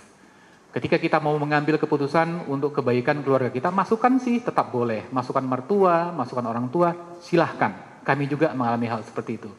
Jadi ketika kami mau merenovasi rumah, masukkan dari orang tua, eh beli ini, pintunya dari ini, atapnya dari ini. Silah-silahkan saja, masukkan teknis kalau kita bilang. Tetapi untuk menentukan bahwa kami uh, pingin keluar uangnya berapa, tergantung kebutuhan kami, dan kemudian jenis ruang-ruang seperti apa, itu tergantung kebutuhan kami berdua dengan istri, itu yang akan menentukan. Gitu. Jadi uh, yang mau saya garis bawahi, tidak artinya tidak menghormati orang tua, tidak juga artinya mengabaikan orang tua, baik fisik maupun perasaan, tetapi ketika kita mengambil keputusan, khususnya dalam keluarga kita, internal keluarga kita, di situ letaknya bahwa itu eksklusif. Itu dari saya, Kak Lydia, Bang Tadius. Ya, saya rasa sih nggak terlalu banyak beda ya. Mungkin masalah jadi memang tidak berarti kita tidak mengurus orang tua, kita tetap harus mengurus mereka Cuman kita nggak mau sampai mengurus mereka dan mengorbankan keluarga yang ada. Dan yang paling penting mungkin dalam hal ini adalah bagaimana kekompakan kita sama pasangan kita untuk mendiskusikan, membicarakan dan mensepakati apa yang berapa jauh kita bisa membantu orang tua kita. Saya rasa itu yang paling penting. Jangan sampai kita, saya suami nggak dukung tapi saya belain, akhirnya kami ada masalah gitu ya kan. Itu yang jangan sampai seperti itu. Kalau sampai suami belum dukung, kita harus pikirkan bagaimana jalan keluarnya ya. Kita mesti minta. Pokoknya mungkin jangan sampai saya pengen jadi pahlawan lah gitu. Saya pengen jadi anak yang paling baik gitu ya. Padahal mungkin saya punya kakak, punya adik yang mungkin mereka bisa lebih membantu daripada saya misalnya. Ini juga bantu, bantu tuh saat ini mungkin. Dua tahun lagi mungkin berbeda. Mungkin dua tahun lagi keluarga, kondisi keluarga kami, anak-anak kami udah lebih baik sehingga saya bisa lebih banyak membantu. Kayak sekarang saya banyak membantu ibu saya karena saya lihat dari semua saudara ya mungkin mungkin kali inilah saya paling bisa membantu saya coba bantu gitu. Tapi kalau dulu-dulu mereka juga bisa maklum sih bahwa saya banyak pelayanan nggak bisa bantu dan seterusnya. Jadi ini soal timing juga mungkin masih kan kita keluarga besar ya seharusnya kita diskusikan kita lihat siapa yang paling tepat dan kalau perlu akhirnya kita bilang waduh kayaknya semua nggak bisa. Oke. Okay. bisa nggak kita uh, apa bayarin seorang perawat atau seorang pengasuh yang jaga bisa kayak gitu? Itu juga salah satu jalan keluar. Masih banyak sih jalan keluar. Uh, saya mau menambahkan ya jadi uh, ada cukup banyak uh, beberapa kasus yang misalnya tapi itu tentang itu bisa orang tua juga ya. Jadi karena dia tahu suaminya mungkin nggak dukung istri si istri ini untuk taking care of the parents ya dalam kasus seperti itu tadi dia kasih uang sembunyi-sembunyi misalnya. Karena dia tahu suami pasangannya nggak akan setuju. Jadi dia bilang kak satu saat saya akan terus terang sama sama abang tapi nggak sekarang. Dan kebutuhan orang tua saya sekarang. Jadi karena saya juga kerja suami saya juga nggak tahu gaji saya berapa. Nah saya punya teman baik seperti itu dan dia bukan kasih ke ya dia kasih ke mamanya. Keluarga mereka nggak terlalu bagus seperti Borussia Nipar tadi ya pak. Saya jadi ikut-ikut nah apa yang terjadi? Dia ter, uh, dia melakukan itu beberapa waktu. Satu hari resi bank yang dia pakai transfer itu uh, ketahuan sama pasangannya. Ribut jadi selama 6 sampai 7 tahun suami itu eh, pasangan itu berpisah. Jadi dia bilang itu hanya salah satu saja that you breach the trust. We always open to each other, but you breach the trust that I that we share together. Jadi sejak itu mereka pisah. Mungkin sekitar 6 sampai 7 tahun. Puji Tuhan sekarang udah balik lagi. Dan tapi ya Untung dua-dua orang ini anak Tuhan dan dia balik lagi. Tapi itu bisa sampai segitunya. Jadi ada baiknya meskipun uh, painful barangkali, misalnya nanti adik tadi ya Bu Rusia Nepar ini, uh, Bang saya harus perhatikan dalam hal waktu atau mungkin uang kasih sebagian ini abang setuju nggak gitu. Kalau nggak setuju, abang setujunya berapa? Nah misalnya seperti itu. Sesusah apa pun ada baiknya Eh, dan ada baiknya kita bilang, saya ngomong gini karena kita sudah sepakat bahwa kita akan terbuka satu sama lain. Ya kan? Jadi saya pikir ada baiknya seperti itu. Jadi uh, kata Dius juga gitu. Waktu dia akan memakai sebagian gajinya untuk membiayai adiknya sekolah, dia terbuka sama saya. Jadi artinya ongkos rumah tangga bergantung pada gaji kamu loh. Karena sebagian gaji saya akan dipakai untuk dukung keluarga saya. Jadi hal-hal seperti itu sebaiknya dibahas. Karena itu bisa menjadi duri dalam daging yang makin lama makin besar karena itu ada opsi seperti itu. Itu saran saya sih, tapi ini bukan uh, legalisme ya. Jadi supaya nanti kalau uh, mau ngobrol lagi silahkan. Ya, e, menambahkan juga seperti yang disebutkan oleh Kak Lydia tadi sembunyi-sembunyi gitu ya. Kalau kami punya teman gitu ya, pasangan suami istri yang Batak juga gitu. Jadi si istri ini memang bekerja gitu, tapi dia untuk gajinya itu dibagi dua. Satu untuk rumahnya, satu lagi ada puro khusus, dia bilang begitu, ada puro. Puro itu tempat nyimpan uang gitu ya, dari kain gitu ya kak. Dia punya puro khusus yang akan diberikannya kepada keluarganya tanpa pengetahuan suami gitu. Tapi akhirnya dengan kami KTB, kemudian dia agak risih gitu, pengen mempertanyakan sebenarnya aku bagus nggak sih mempunyai puro khusus ini tanpa pengetahuan suamiku gitu ya. Kemudian akhirnya kami kemudian berbicara gitu sebenarnya semua apa pun yang kita keluarkan dan penghasilan kita itu kan sama-sama penghasilan kita berdua gitu ya. Jadi nggak ada penghasilan kamu, penghasilan istrimu gitu. Jadi nggak ada uangku adalah uangku, uangmu adalah uangku gitu ya. Nggak ada seperti itu ya. Jadi uang kita bersama gitu. Jadi perlu komunikasi mengatakan kepada suami atau istri secara terbuka, aku perlu membantu keluargaku karena dia butuh seperti ini. Mari kita sepakat untuk keluarga ini berapa yang bisa kita berikan per bulan gitu. Jadi yang penting sebenarnya mungkin dating itu tadi ya Bang ya. Jadi ketika ada permasalahan dari keluarga mungkin kita perlu dating untuk membicarakan itu juga atau membicarakan tentang kesepakatan-kesepakatan kita bersama di dalam membantu keluarga kita. Mungkin itu tambahan dari saya. Mudah-mudahan sudah terjawab. Ya, masih ada lagi? Oke, terima kasih. Salam. Uh, sebelumnya perkenalkan nama saya Binsar Gosen Silalahi, Batak juga. Istri saya baru Napi Tupulu. Sebelum bertanya saya mau bercerita sedikit. Saya lima bersaudara. Saya cowok satu-satunya di tengah, dua di atas cewek, di bawah dua cewek. uh, saya mau menceritakan uh, kisah sedih uh, kakak saya yang nomor dua. Uh, mungkin dia termasuk yang ada di dalam angka perceraian itu, Pak. Jadi eh, namanya orang Batak, sebisa mungkin anaknya itu menikah dengan Batak lagi, entah dia anaknya cowok atau cewek. karena itu tahu lah, Bang Ben juga tahu ya, namanya orang Batak itu. Ceritanya waktu dulu kuliah, kakak saya ini bertemulah dengan eh, calon pasangannya ini di UPI Universitas Pendidikan Indonesia. Mereka sama-sama atlet atlet hoki mereka ketemu di SEA Games Malaysia beberapa tahun yang lalu. Uh, akhirnya mereka ber, berencana berkomitmen untuk menikah, tetapi orang tua kami tidak setuju karena dia adalah orang Papua. Mereka tidak setuju, mereka orang Papua. Namun kakak saya dan juga suaminya tetap kuku dan komitmen ingin menikah. Akhirnya karena orang tua saya tidak setuju e, dengan pemikiran kolotnya itu, ya silakan kalian menikah di Papua. Akhirnya mereka berangkat pergi Papua dikasih ongkos segala macam. Kita yang dari Bandung ini nggak ada yang berangkat. Sejalannya waktu baik-baik aja tuh pernikahan sampai punya anak. Tinggal di Bandung dua-duanya. Namanya atlet ya Pak, ada usianya ya. Ya akhirnya istri saya guru, uh, suaminya uh, apa nggak nggak terus jadi atlet. Jadi uh, ada kerjaan melatih segala macam. Singkat cerita suaminya ini layak saya ini melihat bahwa sampai saat itu pun dari keluarga saya uh, mungkin tidak menerima atau seperti apa gitu kan.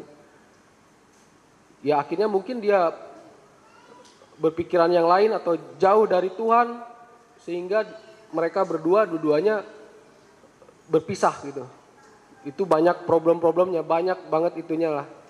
Nah, yang ingin saya tanyakan adalah, memang untuk kakak saya ini udah terlambat, udah masuk angka itu. Nah, yang ingin saya tanyakan adalah, kalau misalkan ke depannya nih, seperti kita dan teman-teman ini melihat case yang seperti itu, orang tua yang kolot. Padahal calon besarnya anak Tuhan juga gitu. Atau eh, kita ngasih advice seperti apa ke orang tua seperti itu dan juga kepada anak-anak kita nantinya. Kan bisa juga nanti anak-anak kita ke depannya akan nemu case seperti itu juga gitu loh. Sedangkan kita eh, sebagai orang tua supaya bisa meyakinkan eh, case seperti ini nggak akan terjadi ke depannya gitu. Apakah eh, kedewasaan seperti apa yang diperlukan oleh pasangan seperti ini sehingga mereka bisa bisa tetap survive dan juga apa yang bisa kita sampaikan ke orang tua supaya mereka itu juga mengerti, supaya mereka bisa menerima gitu. Jangan sampai eh, seperti ini bisa terjadi. Itu aja sih. Makasih. Uh, perkenalkan nama saya Ronald Lubis. Saya ingin uh, ini kaitannya dengan pelayanan ya. Saya coba mengkorelasikan antara pelayanan dengan hubungan suami istri. Jadi saat ini kami kebetulan kami sini uh, pelayanan pasangan suami istri usia muda di HKB Duren Sawit. Jadi kami memang merintis ini sudah hampir tiga tahun. Jadi memang kalau tadi saya dengar ada beberapa syarat ya hubungan suami istri, keterbukaan, kemudian adanya komunikasi konstruktif, melayani bersama, luangkan waktu bersama, mengembangkan hobi. Jadi kalau saya lihat dari lima ini, mungkin yang sudah kami lakukan pada pelayanan itu baru luangkan waktu bersama, kemudian hobi sama iya. Kemudian yang mungkin yang nggak jalan adalah keterbukaan dan komunikasi konstruktif. Kenapa saya bilang gitu? Karena karena ketika kami memulai uh, pelayanan ini dari 2015 sampai 2017, ternyata setelah dua tahun pelayanan ini, ternyata uh, bahkan pengurusnya sendiri itu mundurkan diri. Yang ingin saya tanyakan adalah, ya mungkin tadi kaitan dengan korelasi, seperti apa sih uh, bagaimana membangun hubungan yang baik uh, dalam uh, suatu pelayanan agar kami juga yang tinggal sekarang saat ini kami yang pengurus tinggal berdua, kami tetap uh, setia meskipun kami tinggal berdua. Apa tips dan kaitan apa namanya uh, tips dan untuk buat kami lah. Apalagi kami pelayanannya di HKBP Durin Sawit. Itu aja. Terima kasih. Baik, selaku sama-sama orang Batak ya. Anak saya yang nomor dua ketika ditanya ngobrol-ngobrol begitu, nanti ketika kamu nikah nanti, e, rencanamu bagaimana? Pokoknya aku nggak mau sama orang Batak. Kenapa? Ribet adatnya. Jadi itu memang, memang salah satu ciri khas e, suku kita. Sebenarnya kita nggak bisa generalisasi juga bahwa suku Batak harus kawin dengan Batak. Tapi kemauan orang-orang tua kita memang masih seperti itu. Untuk kasus yang dialami oleh kakaknya siapa tadi? Silalahi, uh, Lai Binsar.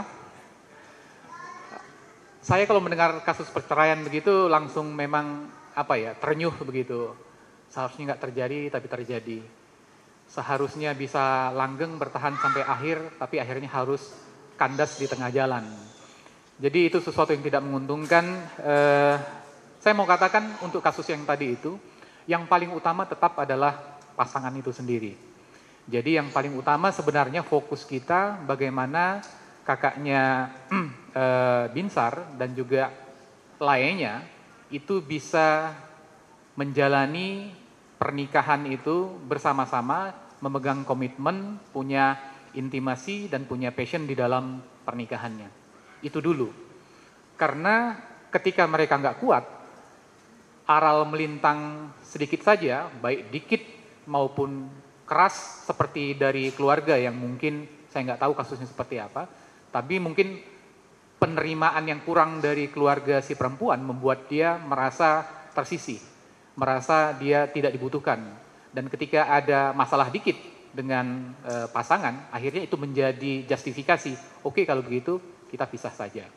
Jadi saya sih melihat bahwa yang paling utama yang dilakukan adalah bagaimana si pasangan itu mempersiapkan pernikahannya dan ketika menikah seperti saya katakan tadi, ini bukan tentang menanam pohon. Ini mena, ini membangun sebuah rumah. Jadi ketika sudah ditanam, ketika sudah membangun pondasi, kita harus bangun di atasnya seperti apa. Dan itu butuh komitmen, itu yang butuh waktu. Itu yang tadi seperti istri saya sampaikan bahwa untuk menjadi sarjana kita butuh 4 tahun, untuk jadi dokter kita butuh 6 tahun, sekarang lima setengah tahun. Tapi untuk jadi bapak, untuk jadi suami, kita kayaknya cuma baca-baca artikel di Facebook kemudian selesai jadi bapak. Kayaknya nggak cukup memang. Jadi mungkin butuh usaha yang kuat untuk mempersiapkan pernikahan, kemudian ketika menikah juga mengisinya seperti apa. Saran saya sih seperti itu untuk ke depannya. Untuk masalah orang tua bagaimana? Banyak kasus ya, saya juga bukan orang yang terlalu uh, taat-taat banget sama adat gitu ya. Ketika adat itu memang bertentangan dengan uh, dengan firman Tuhan, ketika adat sebenarnya bukan adatnya, tetapi orang yang memaksakan itu kepada orang lain. Ya kita tinggalkan. Dalam arti kalau misalnya orang tua tidak setuju dalam adat Batak itu nanti ada istilahnya apa mah? Kalau diadati gitu ya. Jadi untuk mendapat penerimaan secara adat, mendapat penerimaan dari keluarga Batak yang lain, nanti ada satu masa yang namanya mangadati, diadati. Jadi untuk pertama dia nikah dulu di gereja tanpa adat, tapi setelah itu mungkin setelah datang cucunya biasanya. Jadi strategi orang Batak begitu. Jadi ketika ada cucunya, biasanya orang yang orang tua yang menolak itu itu sudah luluh hatinya. Kebanyakan kasus begitu. Jadi ketika sudah punya anak, kemudian datang ke orang tua bilang, "Ma, Pak, mohon maaf kami kemarin itu tidak bisa sesuai dengan keinginan kalian, nikah diadati, tapi sekarang kami mau diadati." Dan biasanya kalau sudah punya anak, hati opungnya juga luluh, kemudian itu diadati. Ketika diadati, akhirnya keluarga besar bisa menerima secara adat. Tetapi saya pikir itu secondary. Yang paling utama adalah pasangan itu sendiri. Bagaimana mempersiapkannya dan bagaimana membangun di atas fondasi itu rangkaian pernikahan, membangun intimasi, passion dan juga komitmen. Itu dari saya. Ya, uh, saya mau nambahkan juga sedikit uh, pengalaman dari keluarga kami juga ya. Memang ini bukan dari orang tua, tapi dari keluarga besar saya. Kebetulan kami ada saya ada sembilan orang satu keluarga itu sembilan orang kak banyak banget gitu. Jadi saya yang paling terakhir gitu ya yang sembilan dan kami punya suami saya ini punya layak lima orang gitu. Jadi memang kami karena waktu yang masih sempit gitu, kami nggak ada, belum pernah mengikuti arisan, arisan marga. Biasanya kalau Batak kita itu kan harus ikut arisan saya, harus ikut ini. Kadang-kadang arisan opung pun kita harus ikutin gitu ya. Tapi karena waktu yang memang masih belum kami bisa sempatkan untuk untuk arisan itu, akhirnya kami memang belum mengikutinya sampai sekarang. Jadi kalau kami pergi ke rumah abang saya, ke layaknya, selalu ditanya, kenapa kok nggak ikut arisan? Terus banyaklah ya hal-hal negatif yang diomongkan kepada kami. Tapi kami akhirnya sepakat, Pak, nanti kalau ditanya kenapa nggak ikut arisan, jawaban kita apa gitu ya. Jadi kami menyamakan pendapat nih, supaya jawaban kita sama gitu ya, supaya sama-sama enak. Saya juga sebagai itoknya gitu, enak jawab dan dia juga lainnya enak jawab gitu. Jadi memang dalam hal Batak itu banyak sekali eh, yang perlu di ikutin gitu ya. Tapi seperti yang tadi suami saya katakan memang yang penting adalah kita berdua sampai jawaban pun kita harus sepakati bersama-sama supaya tidak berbeda satu sama yang lain. Itu tambahan dari saya. Ya kalau bagaimana membangun relasi dengan lain. Oh, yang pertama soal orang tua, saya cuma pikir juga bahwa orang tua bisa nggak dipakai Tuhan juga untuk menyatakan bahwa dia tepat untuk kita nikahi atau tidak. Nah, waktu saya menggumuli itu saya pikir bisa ya. Kali dia juga waktu um, membuat semacam kriteria apakah kami ini cocok atau tidak. Salah satu yang dia buat juga dukungan orang tua. Jadi waktu saya pikir, dulunya saya nggak pusing dukungan orang tua. Mungkin karena juga keluarga saya sangat terbuka, jadi orang tua saya nggak jangan intervensi. Jadi saya nggak terlalu masukkan itu. Tapi kali dia langsung menulis bahwa selain visinya sama, sama-sama lahir baru, dukungan teman-teman seiman, yang terakhir dukungan orang tua tetap dia masukkan. Dan waktu kami menggumuli apakah ini eh, ini sesuai dengan kehendak Tuhan atau tidak, ya kami lewatin semua itu. Oke, udah udah lahir baru sama-sama punya visi yang sama. Terus teman-teman gereja, teman-teman pelayanan juga mendukung. Lalu yang terakhir yang kami agak berat dan sulit tentu dukungan orang tua. Tapi itu pun kami doakan, kami gumulkan sampai akhirnya kami dapat gitu. Setelah dapat dukungan orang tua memang makin mantap sih. Dan waktu kami punya anak, kami juga rasa gitu. Um, anak yang anak kami berhubungan dengan seorang pria misalnya atau berhubungan dengan wanita, kami sebagai orang tua kadang-kadang nggak ngerti ya, kadang-kadang kami juga merasa kayak nggak cocok deh dia gitu. Iya insting ya, naluri, insting gitu. Kalau ditanya juga bingung jawabnya gitu. Kenapa ya kok tapi kok rasanya kita nggak serak loh dia sama gitu. Jadi anak kami juga berasa dia dia agak marah sama kami. Sepertinya kok kamu nggak dukung pacar saya gitu ya kan. Tapi kita bilang nggak tahu deh nanti kita doain lagi ya. Kita cuma bilang kita nggak mau. Saya sih udah belajar bahwa makin anak kita kalau dikerasin malah makin. Nah itu yang terjadi kan yang seperti kakaknya Binsar dikerasin akhirnya mereka malah kadang-kadang gitu sih makin dikerasin malah mereka bilang ini uji kasih kita nih, kasih kita benar-benar diuji seberapa kita mau Jadi gitu tertantang gitu. Nah, itu kita hindari itu. Militan nanti dia, ya kan. Nikah terus padahal buta gitu. Makanya jangan kita bilang enggak, enggak. Lagian kita juga nggak mau isunya tuh isu suku. Tapi isunya isu cocok nggak cocok kalian. Sesama suku juga kalau memang nggak cocok, kita juga nggak dukung gitu ya kan. Masalahnya untuk masa depan kalian gitu. Jadi kita mesti bijaklah untuk bimbing mereka jangan masalah suku, jangan masalah karena dia kurang kaya atau kurang apa gitu itu sensitif buat anak kita tentunya ya kan? Tapi kalau masalah kecocokan masalah apakah karakternya atau apanya sama atau tidak nah itu yang kita suruh mereka uji mereka doakan gitu ya kan. Nah, bersyukur. Akhirnya kalau anak kami setelah berapa waktu dia putuskan sendiri. Jadi bukan kami yang bilang nggak boleh gitu enggak Biasanya kalau kami bilang nggak boleh, dia tambah semangat untuk maju terus gitu. Nanti nggak bolehnya setelah berapa tahun kan sayang kan, seperti kakak Binsar, akhirnya kan mereka putus, ya kan pacar, apa cerai. Itu sayang dan betul kan sebenarnya apa yang mungkin orang tuanya rasakan mungkin betul. Orang tuanya nggak setuju bukan karena masalah dia Papua, bukan. Tapi mungkin ada banyak budaya atau banyak hal yang sangat sulit lah kalian bangun misalnya Batak sama Papua itu secara budaya, secara karakter sangat berbeda. Misalnya orang tuanya udah sense seperti itu, ya kan? Tentu kan kadang-kadang kita di di masyarakat kita berasa ada stigma-stigma tertentu dari orang tua. Oh, jangan kawin sama orang ini, ya kan? Misalnya di Medan saya pernah dengar kalau orang Karo nggak boleh sama Tapanuli gitu atau jangan kawin sama orang Nias lah atau apa-apa gitu. Karena ada stigma-stigma, ada ada pengalaman-pengalaman orang tua yang mereka belajar gitu ya. Tentu itu nggak berlaku secara general karena kadang-kadang setelah berapa kami sebagai orang tua juga lihat dulu benar nggak ya sense nggak serak ini kenapa ya gitu. Dan setelah berapa tahun kita juga nggak cepet-cepet mengatakan begitu. Apalagi karena like dislike kita hindari seperti itu. Nah kalau soal yang kedua yang ditanyakan oleh rekan kita Lubis, eh, bagaimana bangun relasi dengan yang lain dalam pelayanan memang um, sulit kadang-kadang di gereja ya karena pertama kadang-kadang kita berhadapan orang-orang yang belum lahir baru. Kalau kita udah lahir baru, mereka belum lahir baru tentu sangat sulit sekali. Ya kan, dari segi motivasinya beda dan seterusnya. Nah saya cuma pikir kalau dalam hal seperti itu, kalau sekarang saya juga alami di gereja, sangat sulit. Saya juga nggak mau menghakimi mana yang lahir baru nggak lahir baru. Saya nggak mau menghakimi. Saya juga nggak mau tahu bahwa dia lahir baru atau belum atau apa. Saya nggak mau tahu terlalu jelas. Akhirnya saya uh, diskriminatif gitu. Enggak. Saya tetap mau melayani bersama dengan mereka. Yang penting aku lihat sih yang kita perlu bangun sih bersahabat. Jadi bangunlah friendship yang tulus, benar-benar tulus.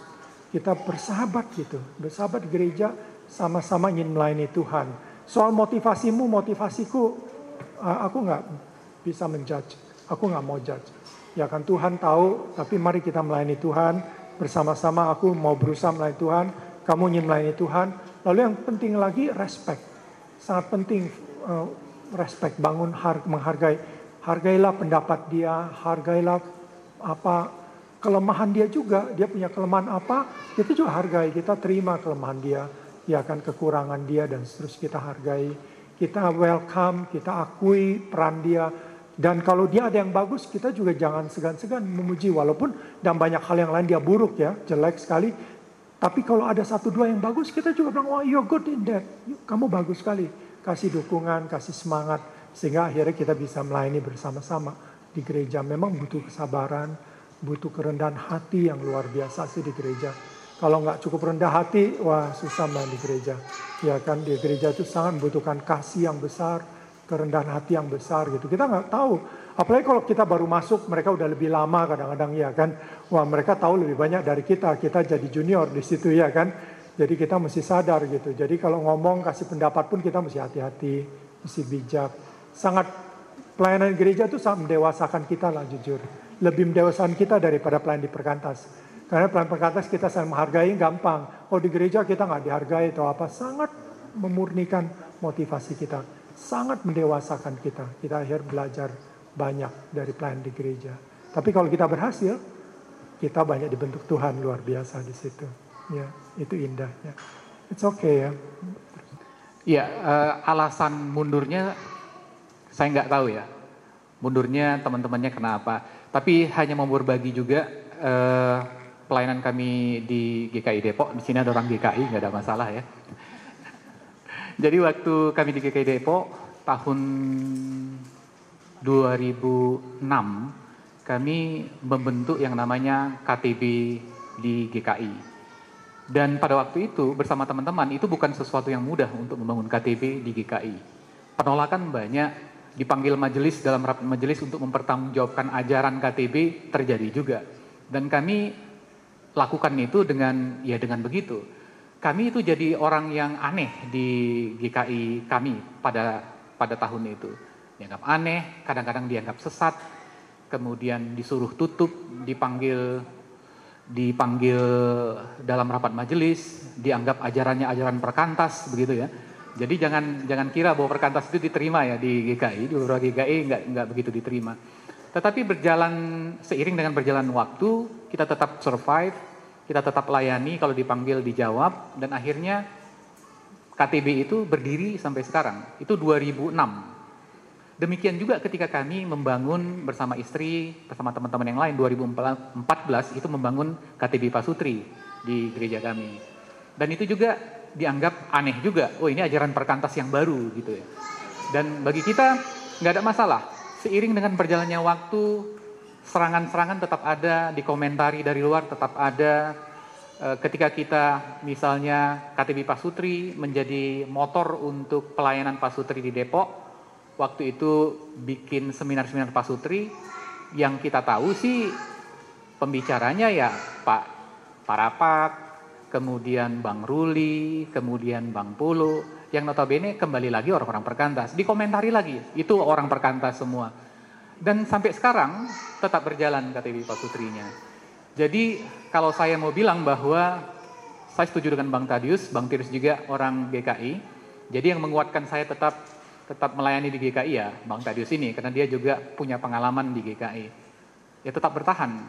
Jadi buahnya akhirnya bisa kita rasakan pada saat sekarang ini. Sekarang kayaknya perkantas sudah nggak dianggap aneh lagi kalau misalnya di GKI karena beberapa kali kita melakukan seminar yang Bang Tadius juga pernah kita undang dalam pelayanan dan itu fine gitu. Jadi perlu endurance ketika kita memasukkan satu ide baru di dalam uh, pelayanan gereja kita dan perlu daya tahan, perlu kuping tebal, perlu muka tembok dan jalan terus. Itu saja mungkin dari saya tambahan. Ya, nanti kita akan tutup acara ini dengan doa masing-masing pasangan. Tapi sebelum masuk ke doa masing-masing pasangan, saya mau merangkum sedikit apa yang tadi sudah dibahas, sudah kita bicarakan bersama. Bahwa memang pada dasarnya yang namanya pernikahan itu tidak bisa begitu saja langsung jadi dan seterusnya baik gitu ya. Memang diawali dengan cinta, tetapi kemudian juga perlu terus untuk dipertahankan ya karena tidak cukup cuma cinta saja. Tadi kalau digambarkan ada segitiga, ada passion, intimacy, dan komitmen ya. Jadi bagaimana kita juga membangun uh, keintiman dengan pasangan kita walaupun di rumah punya anak ya sekali-sekali boleh ya ditinggalkan ya untuk bermesra-mesraan. Tapi biasanya pikiran emak-emak gitu ya begitu di luar nanti si ini gimana, nanti ini gimana, udah makan apa belum ya. Nah untuk sementara bolehlah ditinggalkan dulu untuk sebentar aja ya. Kemudian juga ada satu komitmen untuk apa? Untuk memperteguh ikatan di antara kita. Jadi kalau ada masalah juga butuh keterbukaan. Harus terbuka suami istri kan ya bang ya. Kak, semua harus terbuka. Komitmen dengan pasangan, jangan komat kamit dengan temen gitu ya. Kemudian tantangan pasti banyak di dalam pernikahan, ya kesibukan, anak-anak, beban masa lalu. Zaman sekarang gadget ya, gadget, gadget bisa mendekatkan yang jauh tetapi juga bisa menjauhkan yang dekat. Nah tetap kita harus bisa membangun hubungan, membangun bonding di antara kita, perlakukan pasangan secara spesial. Jangan melihat orang lain atau istri suami orang lain secara spesial, tapi lihatlah pasangan kita secara spesial. Miliki waktu untuk dating, untuk kebersamaan berdua, dan juga belajar untuk saling mendengarkan. Biasanya susah untuk mendengarkan, karena kalau mendengar sih gampang gitu, tapi mendengarkan curhatnya itu lagi, itu lagi, itu lagi gitu ya. Nah, yang namanya wanita katanya kan apa? Karena wanita ingin dimengerti gitu ya. Sementara pria ingin dihargai gitu. Nah ini kebutuhan emosional yang harus dipenuhi dan sadarilah bahwa kita hidup bukan dengan orang yang sama. Kita hidup dengan orang yang berbeda dan pasti dalam banyak hal itu berbeda. Tapi satu hal yang utama adalah mendasarkan keluarga kita pada Tuhan dan Tuhanlah satu-satunya yang menjadi pengatur di dalam keluarga kita sehingga keluarga kita terus akan bertumbuh menjadi lebih baik, lebih intim dan bersama pasangan kita dia adalah kekasih kita, sahabat kita untuk selama-lamanya.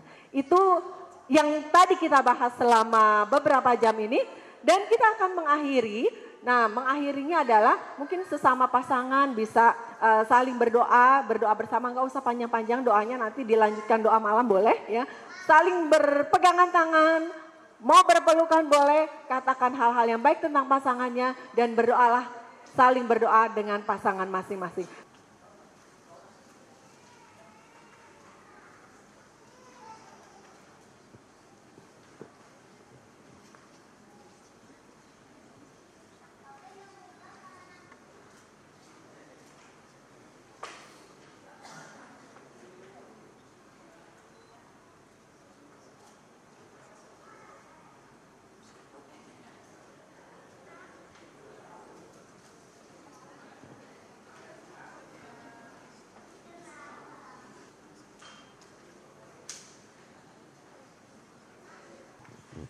Tuhan kami mengucap syukur kepadamu buat sesi ini.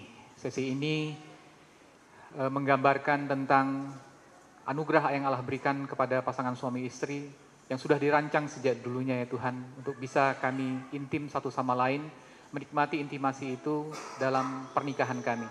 Tuhan kami berdoa agar pernikahan kami yang ada di ruangan ini Tuhan tetap teguh sampai akhirnya, sampai maut memisahkan. Dan itulah janji kami ketika kami menikah ya Tuhan, kiranya kuatkan kami untuk terus ya Tuhan bisa mengisi pernikahan kami dengan hal-hal yang menyenangkan hati Tuhan. Sehingga kami bisa menjadi keluarga yang menjadi berkat bagi orang lain, anak-anak kami juga menjadi berkat bagi orang lain, dan itulah kerinduan kami ya Tuhan, supaya Tuhan selalu memperkaya pernikahan kami hari demi hari, sehingga kami menjadi berkat bagi orang lain. Terima kasih ya Tuhan, inilah doa kami yang kami alaskan di dalam nama Tuhan kami Yesus Kristus. Amin. Yang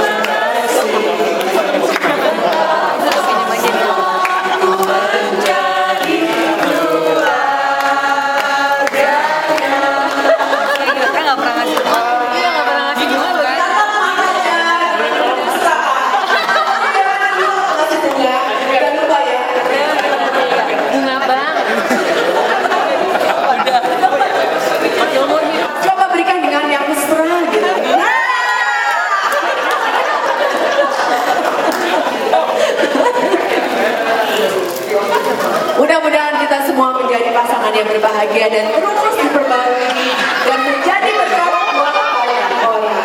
Tuhan memberkati kita semua.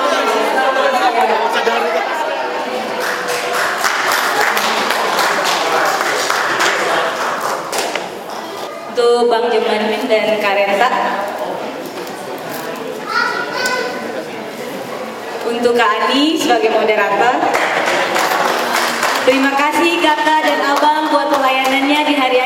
ini. Tuhan Yesus memberkati.